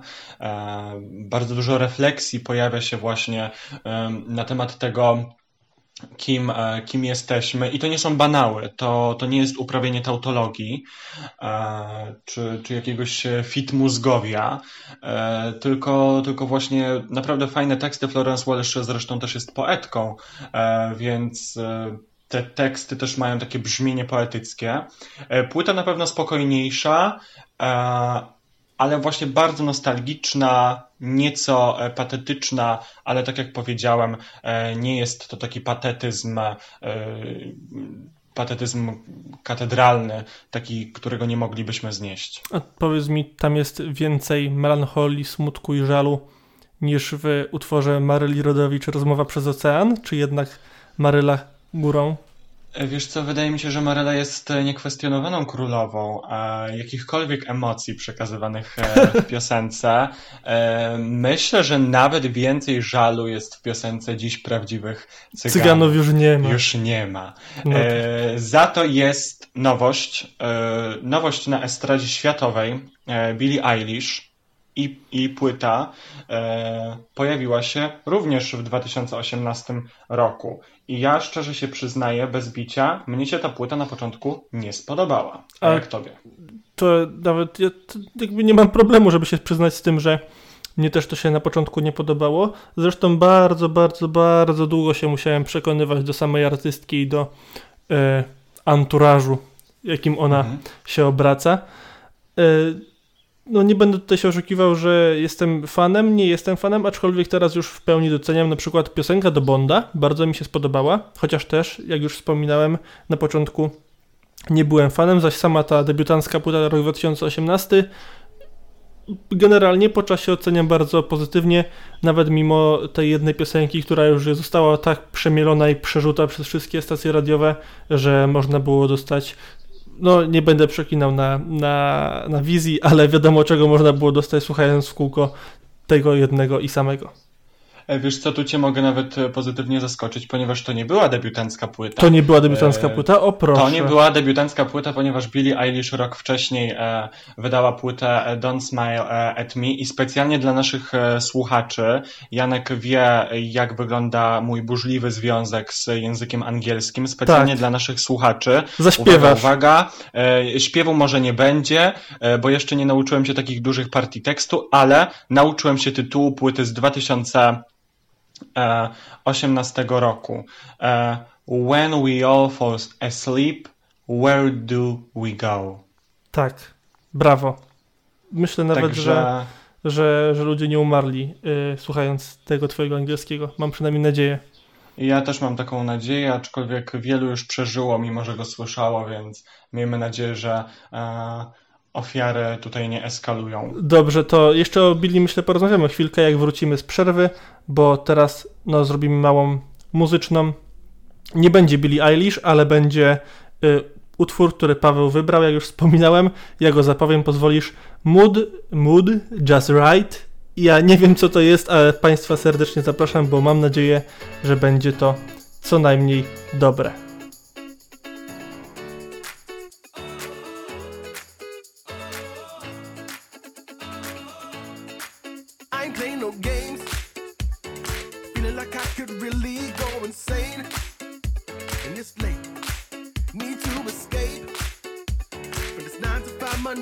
Friday. Same. Oh, same. All the hustle and the bustle. Cars, buses, and the trains. All the people, all the struggles. No one cares to know your name. I need a change. Mm, I need a change right now today. I hear my favorite song. I got my mood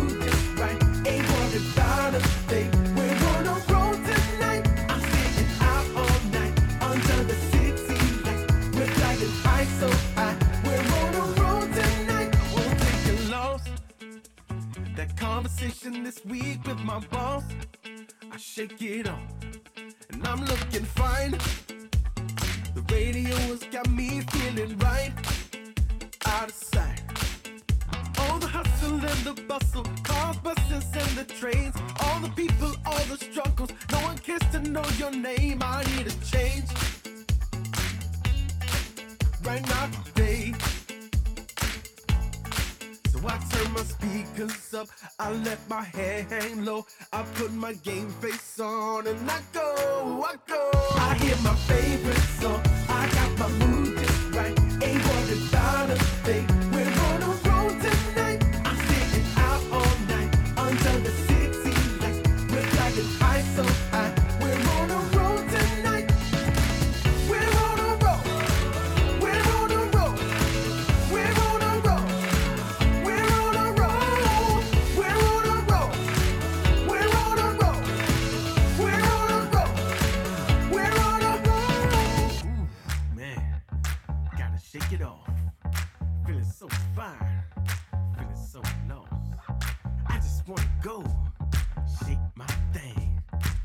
Underneath the lights.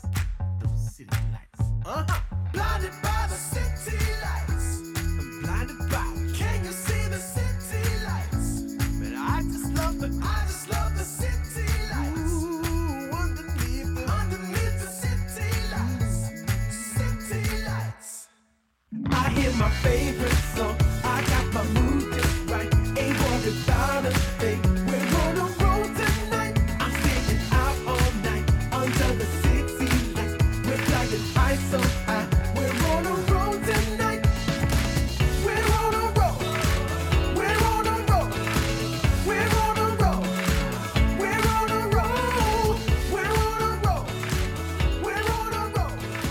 just uh, ride. Wybrzmiało, zakończyło się, tak jak Billie Eilish zakończyła pracę nad e, płytą We, When We All Fall Asleep, Where Do We Go e, w 2018. W 2019 słuchaliśmy jej namiętnie, a w 2020 e, z, zebrała po prostu za tę płytę żniwo mm, nagród. E, Zresztą w 2019 też, także I w 2020 zaśpiewała na Oscarach, jeżeli już mówimy o imprezach, o nagrodach właściwie, które troszeczkę wyszły z formy, że już nie są tak cenione, to myślę, że Oscary absolutnie się wpisują w te, w te ramy. Że Oscary? Tak. A dlaczego tak uważasz? Że ja nie jestem w tym kimana- kinematograficznym świecie, więc jakbyś mógł mi to przedstawić ze swojej perspektywy. No, nie będę się oszukiwał też, kolejny raz to powtarzam, że Oscary nie są już tak na pewno prestiżową nagrodą jak wcześniej. Zrobił się z tego festiwal troszeczkę adoracji i kółka, kółka wzajemnej adoracji tak naprawdę. Nie chcę powiedzieć, że kółka różańcowego, chociaż to czasami tak wyglądało, że filmy muszą spełniać określone standardy, żeby dostać, dostać nagrody. Tak, y, to nie jest absolutnie zarzut, biorąc pod uwagę moje poglądy, które zresztą ty znasz, ale no, pojawia się tendencja do nagradzania filmów, które mówią tylko o środowiskach w pewien sposób prześladowanych, nawet jeżeli te filmy są niekoniecznie dobre, albo pojawiają się produkcje w stylu zachwycające bardzo wąskie grono tak zwanych ekspertów, którzy mają decydujący głos w Akademii i potem one otrzymują e, rzeczonego Oscara. No ja generalnie nie byłem zadowolony ani w 2018 roku, ani w 2019, jeżeli chodzi o zwycięskie filmy. No w 2018, skoro już mówimy, wygrał film Kształt Wody Guillermo del Toro. Ten film jest okropny. Tak, ten film jest Przy, tak. przy, przynajmniej w moim odczuciu. Ten film jest okropny, naprawdę.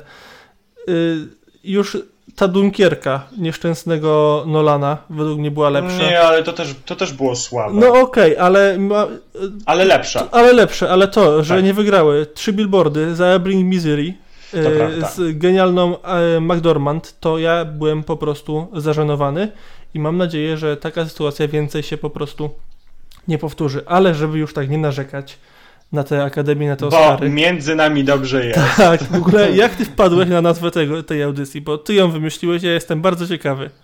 E, Wiesz co, między nami dobrze jest, e, ponieważ e, my jako pokolenie młodych ludzi bardzo często narzekamy na, na Polskę, na kraj, w którym żyjemy. A tutaj taka odmienna afirmacja e, tego, w jakim kraju e, egzystujemy. E, Wiesz co, też silna inspiracja, bo nie chcę, żeby tutaj ktoś zarzucił mi wręcz plagiat. E, Silna inspiracja tym, że e, byłem chwilę wcześniej po przeczytaniu e, dramatu Doroty Masłowskiej, No który zresztą był kanwą do spektaklu Grzegorza Jarzyny o tym samym tytule. Oba teksty kultury bardzo polecam i tobie, i naszym słuchaczom. Bardzo dobrze moim zdaniem napisany, zręcznie. Ja wiem, że ty nie jesteś fanem Doroty Masłowskiej, aczkolwiek albo się ją kocha, albo się jej nienawidzi. E, Rzadko kiedy ktoś jest e, pośrodku. Natomiast e, to ci bardzo polecam, ponieważ nie jest długie. Masłowska potrafi zmęczyć jakby z, wraz z upływem stron, tak, z czasem, kiedy się odbiera jej teksty. Natomiast tutaj wydaje mi się, że jest to być może nawet fajny tekst, taki przystępny, dla kogoś, kto rozpoczyna przygodę z Masłowską. E, Tym bardziej, że jest to e, jedyna, nie chcę tutaj powiedzieć, nie chcę brać tego za pewnik, ponie- ponieważ nie czytałem wszystkiego Doroty Masłowskiej, ale jest to, e, z tego co wiem, jedyna książka, w której ona właśnie wyraża afirmację e, polskości, Mhm. a, a nie dezaprobuje e, bycia Polakiem. No ja nie chcę powiedzieć, że jestem antyfanem Doroty Masłowskiej, absolutnie nie. Generalnie jej książki do mnie nie trafiają tak mocno jak do niektórych, aczkolwiek na pewno nie mogę powiedzieć, że jej nienawidzę. Zanim zajdziemy na przerwę i skoro już znamy genezę tej audycji i nazwę tej audycji, to pozwolisz, że powiemy coś o Dawidzie Podsiadło. Zgodzisz się? Jak najbardziej. Dobrze. Jak najbardziej się zgodzę. Yy, ale myślę, że zaczniemy od pozytywniejszej opinii, którą prawdopodobnie masz ty na temat płyty Dawida Podsiadła. Bardzo mnie zaciekawiłeś tym, że, przepraszam, można mieć ewentualnie negatywną, ale w takim razie, tak, Dawid Podsiadło, rok 2018, płyta mało miasteczkowy i ja się muszę przyznać znowu bez bicia, że nie dostrzegam w tej płycie złej piosenki, a już na pewno nie dostrzegam piosenki źle napisanej i zaaranżowanej. Niektóre z tych Dlatego, utworów dlatego masz pościel z Dawidem Podsiadło, dlatego Tak. masz poduszkę z Dawidem i Podsiadło. bokserki. Yy, No, dziękujemy bardzo za ten szczegół. Zostańmy na kołdrze. Tak jest, wiesz, Nie rączki, wchodźmy pod nią. rączki na, na kołderce, ale co się Tak, dzieje pod kołderką, to Bóg jeden wie. W każdym razie, Dawid Podsiadło 2018, płyta mało miasteczkowy. Utwory na tej płycie chyba wszyscy znamy tak naprawdę, bo tak jak wspomniałem, większość z nich była katowana przez radio. I w ten sposób, no nie dziwię się, że niektórym ludziom się przejadły, aczkolwiek kiedy posłucha się tej płyty, właściwie no, załóżmy teraz, mamy rok 2020, my tą audycję nagrywamy 31 marca yy, i kiedy ja tą płytę odpaliłem wczoraj, powtórnie, to naprawdę nie spotkałem się z takim uczuciem przesytu na, w, w, w, w swoich wnętrznościach po prostu. bo brakowało mi troszeczkę tej muzyki. Ona e, przez ten rok, kiedy był Dawid na bardzo silnym topie, była naprawdę bardzo mocno rozszarpywana i katowana. Teraz wraca w nowych aranżacjach. Podsiadło za. stworzył trasę Leśna Muzyka, o ile dobrze kojarzę. Yy, I te piosenki uzyskały nowe życie zaledwie po dwóch latach i słucha się według, tego, według mnie tego bardzo, bardzo dobrze. I teraz, uwaga, zrobię bardzo niekulturalną rzecz, ale musisz się na to zgodzić. Teraz będzie przerwa, a po przerwie Teraz ty... będzie suspense, teraz będzie suspense, bo będzie whole wide world. Tak, a, o, a po tej piosence Paweł powie, czemu ta płyta chyba mu się nie podobała, czy nie wiem, będzie chyba narzekał, ale w każdym razie zaraz do Państwa wracamy.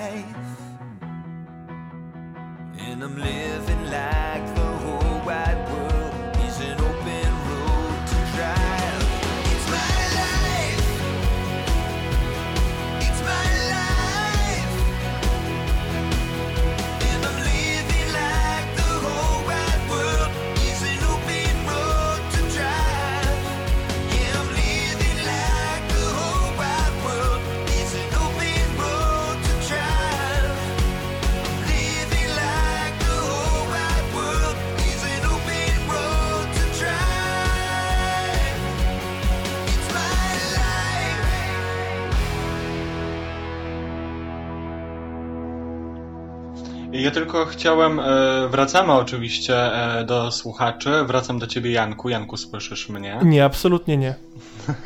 Bo nie chcesz. E, Ja tylko chciałem podziękować inicjatorom e, e, naszych audycji, podcastów, ponieważ to jest dla mnie wspaniała forma, lekcja, czy też korepetycje z czytania po angielsku. Także bardzo dziękuję tutaj za wyzwanie, które są mi rzucone. Ale wracamy do płyty Następna Dawida. audycja w całości będzie prowadzona w języku angielskim. Musisz się przygotować. Dobrze, dobrze, zatem będzie to z mojej strony audycja Nie ma, e, o którym zresztą e, Mariusza Szczegła e, nie ma, mówiliśmy w e, poprzedniej To jeszcze e, raz audycji. polecamy, a teraz proszę bardzo o Tak. Dawidzie. Dawid Podsiadło. Wiesz co, dla mnie Dawid miał pewien swój urok, który do mnie trafiał w odpowiednim momencie też mojego życia. I była to płyta Comfort and Happiness z 2013 roku. Później płyta e, Annoyance and Disappointment. E, Wspaniale ci idzie, wspaniale. Jest dobrze, jestem rozgrzany. E, Wiesz co, tutaj ta płyta e, troszeczkę już mniej, e, no ale kręcimy, kręcimy na tym Spotify'u e, i mamy 2018 rok i płytę małomiasteczkowe. Nie wiem, nie trafia to do mnie dźwiękowo, tekstowo. Ojej, jestem, w- ojej, boli, jest, boli. Jestem w stanie wybrać może trzy utwory, e, takie jak najnowszy klip, Trofea i bardzo lubię piosenkę Nie kłami. No, bardzo lubię tę piosenkę. Jest wspaniała. E, chociaż szczerze ci powiem, że musiałbym się e, głęboko zastanowić, czy wolę ją w wykonaniu Dawida, Pod, Dawida Podsiadło, czy w wykonaniu Justyny Święs z The Dumplings.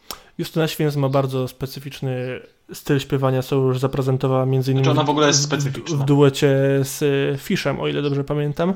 Tak, tak. Tak, y, no generalnie Justynę też polecam, aczkolwiek stanę troszeczkę w obronie Dawida, pozwolisz. Powiem ci tyle, że... A stań. Dziękuję. Powiedz, nie jesteś sam. Sępie miłości, daj mi dokończyć. Bądź jak kamień.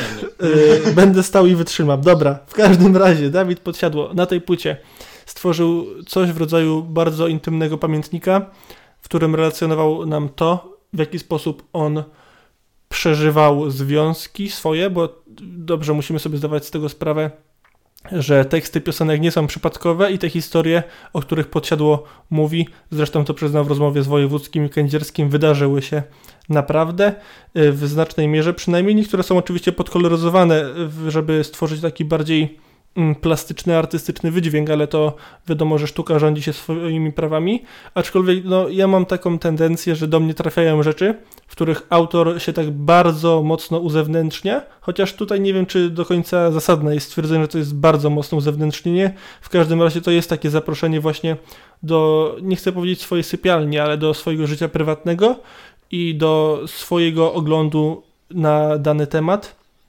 Myślę, Zresztą- że gdyby Dawid Podsiadło zobaczył cię w bokserkach z jego twarzą, to wyprosiłby cię ze swojej sypialni. Mam nadzieję, że tak by się E, stało.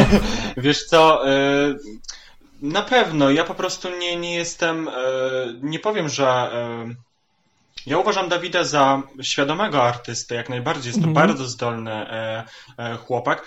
Ja mam wrażenie, że po prostu ta płyta gdzieś mi nie podpasowała, bo tak jak mówię, jestem w stanie coś wybrać, ale na miłość boską, litość również, piosenka nie ma fal, Tak. Budzi we mnie tak potężne irytacje, tak potężny stan irytacji, bo po prostu nie jestem w stanie słuchać tego utworu i bardzo przepraszam wszystkich słuchaczy, którzy e, lubią ten utwór, bo, ponieważ on był chyba singlem i to nawet nie wiem, czy nie pierwszym. Też mi się tak wydaje, że to była pierwsza piosenka wypromowana, już na pewno promowana najmocniej, chociaż podejrzewam, że mało miasteczkowe, czyli utwór tytułowy mógł być tym pierwszym, no ale w każdym razie nie ma fal było najbardziej katowane i nie ma co się oszukiwać. Dla mnie, dla mnie bardzo nie. E, aczkolwiek rozumiem też, e, rozumiem też zachwyt, ponieważ dużo moich e, znajomych e, zachwycało się tą płytą. Po prostu nie, nie potrafię go znaleźć, tak? Ta płyta nie, nie jest dla mnie, aczkolwiek w ogóle sztuka ma to do siebie, że sztuka nie jest dla, dla, dla każdego, tak? Sztuka ma swoich odbiorców i tak samo jak Dawid ma swoich odbiorców, ja jestem przed bram, jeszcze przed bramą Ty jesteś na Odbioru. razie na etapie KAI. Ale ja nie chcę w ogóle wychodzić z tego etapu. chciałem, chciałem tylko podkreślić. Ja nie chcę się- wychodzić z tego masz tam etapu. taką swoją strefę komfortu, mam rozumieć, tak? Tak, tak, to jest na pewno jakaś e, strefa komfortu, a strefę komfortu muszą pokonywać uczestnicy, którzy w programie Agent są agentami. Tak. I tutaj w 2018 roku, jako wierny fan, o tym też wspominaliśmy tydzień temu, w Między Nami Dobrze jest, jako wierny fan e, programu Agent, e, 2018 roku poznaliśmy agenta trzeciej edycji, którym była Ilona Ostrowska, czyli Lucy. Lucy, z Rancha, tak. E, Chociaż aktorka też zagrała w filmie Ile waży koń trojański. Ale może, ale dlaczego wspominamy o tym filmie? A to, to, to proszę bardzo. E, Jaki jest powód?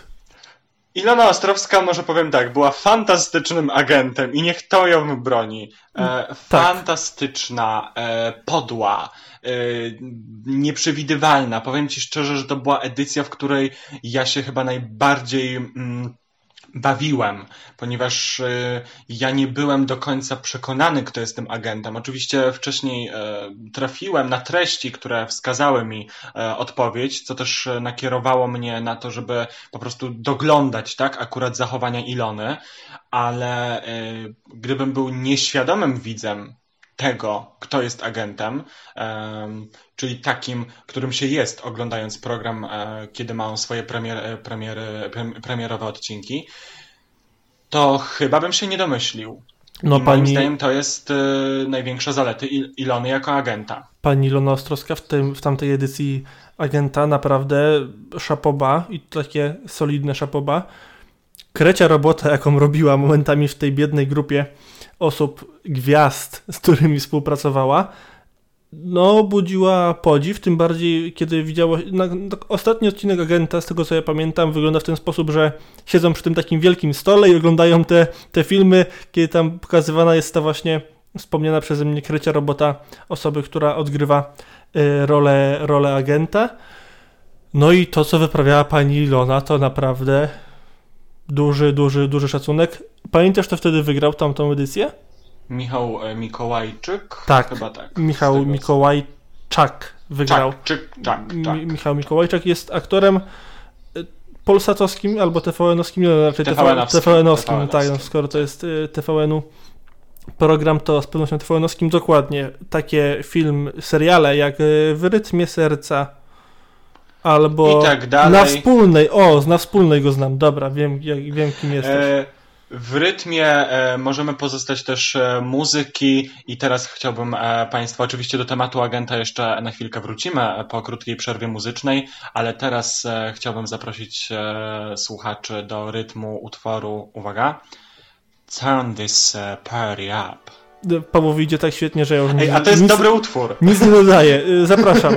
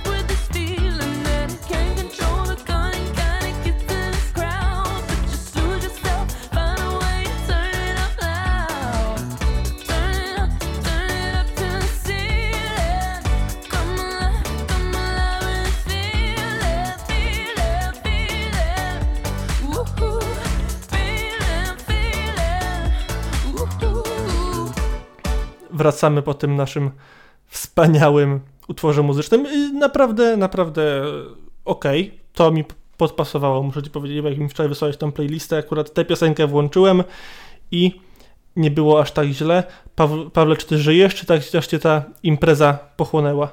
E, musiałem wstać, bo tutaj z podłogi. Rozumiem. musiałem się podnieść po szpagacie.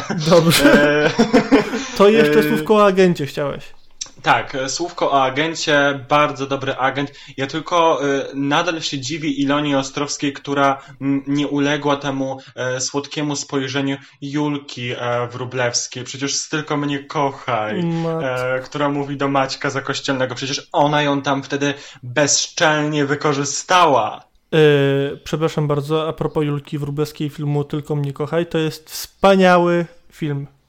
Tak, Wspaniały, tak. W ogóle, naprawdę. e, w ogóle wtedy ten okres polskich komedii romantycznych, tylko mnie kochaj, dlaczego nie? No wybitny. No Grażyna Wolszczak była wtedy gwiazdą polskich ekranów. Wybitny. E, Grażyna Wolszczak teraz wraca. No A jest w em, Ameryce. Express. Ameryce Express. E, I tutaj. synem. I tu, z synem, tak. I tutaj e, Ameryka Express, nam kolejny temat się nawija. O, e, oczywiście nie będziemy, nie będziemy mówić o edycji z 2020 roku, na to przyjdzie jeszcze e, czas. Ja tylko powiem jedno Natomiast- słowo, że przeczytałem przecieki, że miałaby wystąpić pani Beata Koźdrak i, Koźdrak i jeżeli do tego dojdzie, to ja idę na To ja też chcę być tej pod, edycji. pod siedzibę TVN-u i dziękuję. To by ja też chcę być tej moich edycji. chyba najskrytszych marzeń. Nawet nie wiedziałem, że tego tak bardzo mocno potrzebuję. Mam nadzieję, że nie zrezygnuje jak Edyta Górniak, która w drugim odcinku stwierdziła, że ona już wygrała ten program skacząc w przepaść. E, A nie, przepraszam, to było w agencie. Matko, e, tyle tych produkcji, że, że te treści się już mieszają, ale wracamy. Ameryka Express, 2018 rok. Tam były upadki, wzloty, kontrowersje, e, związane głównie z Aleksandrą Domańską i Dawidkiem. Tak. Janku, jak ty przeżywałeś wtedy ten program? Znaczy, ja współczułem mocno komu? bratu Oli Domańskiej, Dawidowi Ale czemu? Domańskiemu.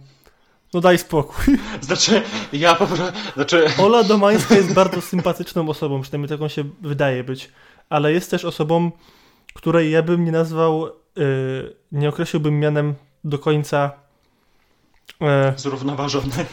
nie, no nie, nie chcę używać takich słów, ale jak ktoś oglądał odcinki Kuby Wojewódzkiego z jej udziałem i a potem agent, y, Amerykę Express z jej udziałem, to ma obraz Oli Domańskiej jako osoby y, w Teleekspresie była galeria ludzi pozytywnie zakręconych. Ola Domańska by tam zajęła pierwsze miejsce, jestem w 100% przekonany. Wiesz co, ja y, na Olę Domańską e, w Ameryce Express patrzyłem bardzo. Hmm, patrzyłem bardzo obiektywnie, ponieważ mam taką. mm, takie wrażenie, że gdybym ja się znalazł w takim programie, to ja zachowywałbym się bardzo podobnie. Rozumiem. E, Więc cieszy mnie fakt, że też znalazłbym się w galerii pozytywnie zakręcony. Tak, Marek Sierocki by cię zapowiadał, albo Maciej Orłoś. To, to, był, to byłby zaszczyt, to byłby zaszczyt. Może nie tego pokroju, co zapowiadanie mojego tańca na lodzie przez Tatiana Okupnik i Maćka Kurzajewskiego, ale równie, pra, prawie, tak samo, e, prawie tak samo wysoki. No to, to była mocna edycja wtedy Ameryki E, Express. A propos Ameryki Express, tak się składa, że ja zapisałem sobie y, pewną rzecz jeszcze z tej edycji. No miało też miejsce takie dość nieprzyjemne wydarzenie. Pamiętasz, co zrobił Filip Heiser? E, Wtedy mówisz chyba o tej Tomasz sytuacji Karolak? e, z, z tymi... e, Aha, wiem o czym mówisz. Tak, tego odcinka nawet nie ma, ponieważ to był jedyny odcinek, którego ja nie zdążyłem obejrzeć. O proszę. Nie zdążyłem go proszę. obejrzeć, ponieważ zazwyczaj ten program chyba miał e, premierę, odcinki miały premierę w e, niedzielę? Chyba tak. Chyba w niedzielę i ja pamiętam, że zawsze po zajęciach na uczelni, kiedy wracałem w poniedziałek do mieszkania, to zawsze sobie przygotowując obiad włączałem e, odcinek z ubiegłego dnia e, i właśnie tego poniedziałka e, tego nie zrobiłem. E, no i potem żałowałem, bo odcinek zniknął z sieci, ale przybliż proszę słuchaczom, co się wtedy stało, ponieważ No. ja nie do końca pamiętam. To jest legendarna już sytuacja, osławiona, ale z pewnością niesławna. Mm, Chodziło o to, że Filip Heiser i Tomasz Karolak było zadanie, zresztą kto na nie wpadł, nie wiem, żeby pocałować y, kobiety. Tak. To chyba na tym polegało, żeby oni mieli całować kobiety generalnie. I Filip Heiser wpadł na pomysł, że będzie to robił jak najszybciej. I nie prosił ich nawet o zdanie czy na, o pozwolenie, tylko po prostu podchodził i całował kobiety, co było obrzydliwe. Ludzie mają różne zdanie na temat Filipa Heisera. Ja generalnie nie będę uzewnętrzniał swojego, aczkolwiek w tamtym momencie no byłem tym dość mocno zniesmaczony. No, to zachowanie się zresztą bardzo mocno odbiło na reputacji e, Ameryki Express w Polsce. Zresztą pani Agnieszka Woźniak-Starak też skrytykowała to zachowanie. Powiedziała, że za tamten odcinek, to był odcinek dziesiąty nawet, to pamiętam, e, że, że, że za niego się wstydzi i do takiej sytuacji Nie dojść. powinna dojść. Nie powinno. Tak, Tak, e, dokładnie tak. tak. I jeszcze z tej edycji zapamiętałem, bo to w ogóle bardzo mocne, mocna edycja była, bardzo ciekawa. Yy, Maciej Musiałowski, który teraz robi dużą karierę w TVN. Ja generalnie bardzo polecam Macieja Musiałowskiego w spektaklu Stowarzyszenie Umarłych y, Poetów, gdzie występuje na zmianę z Maciejem Musiałem, żeby było zabawnie. Grają tą samą postać, raz gra Musiałowski, raz gra Musiał. Można się pomylić, w każdym razie polecam tę wersję z y, Musiałowskim, bo to akurat oglądałem. Aczkolwiek tam gra naprawdę bardzo dobrze i nie dziwi mnie to, że on zaczął robić karierę mm, taką, jaką właściwie ma teraz, no bo y, film Hater i teraz ten kod genetyczny, o ile dobrze pamiętam, też na stacji TVN. Tak, tak, tak, tak. Mm, Generalnie Maciek podbija polską kinematografię, a w Ameryce Express mnie tak bardzo pierońsko irytował, Naprawdę? że myślałem, że rozsadzę coś tak. On y, na tym ukulele grał, prawda?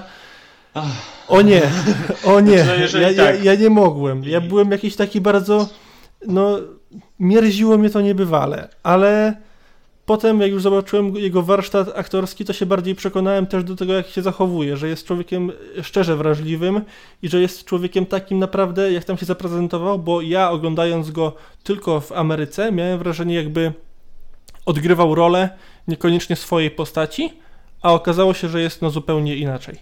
Pięknie nam się tutaj zrobiło, e, ponieważ e, Janek e, już teraz bardzo lubi Maćka, czego szczerze Tak. gratulujemy Maćkowi, bardzo się cieszymy z emocji Janka i skoro się nam tak pięknie zrobiło, to, To? ja chciałbym zapowiedzieć kolejną piosenkę e, e, o tytule Good Love.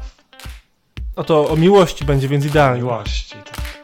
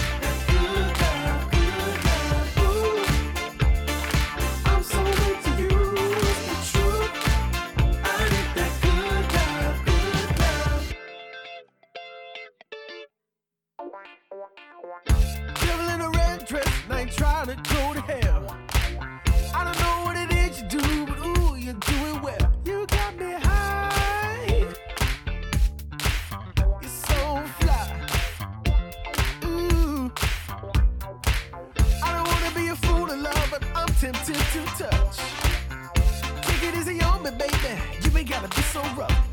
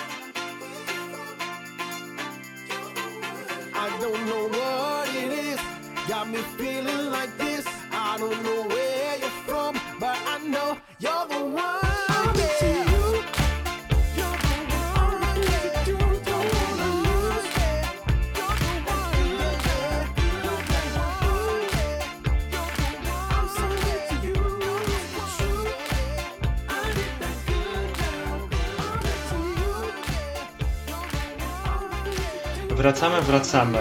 Moskwa, Warszawa, Żarnów e, i Londyn. okolice Kalisza.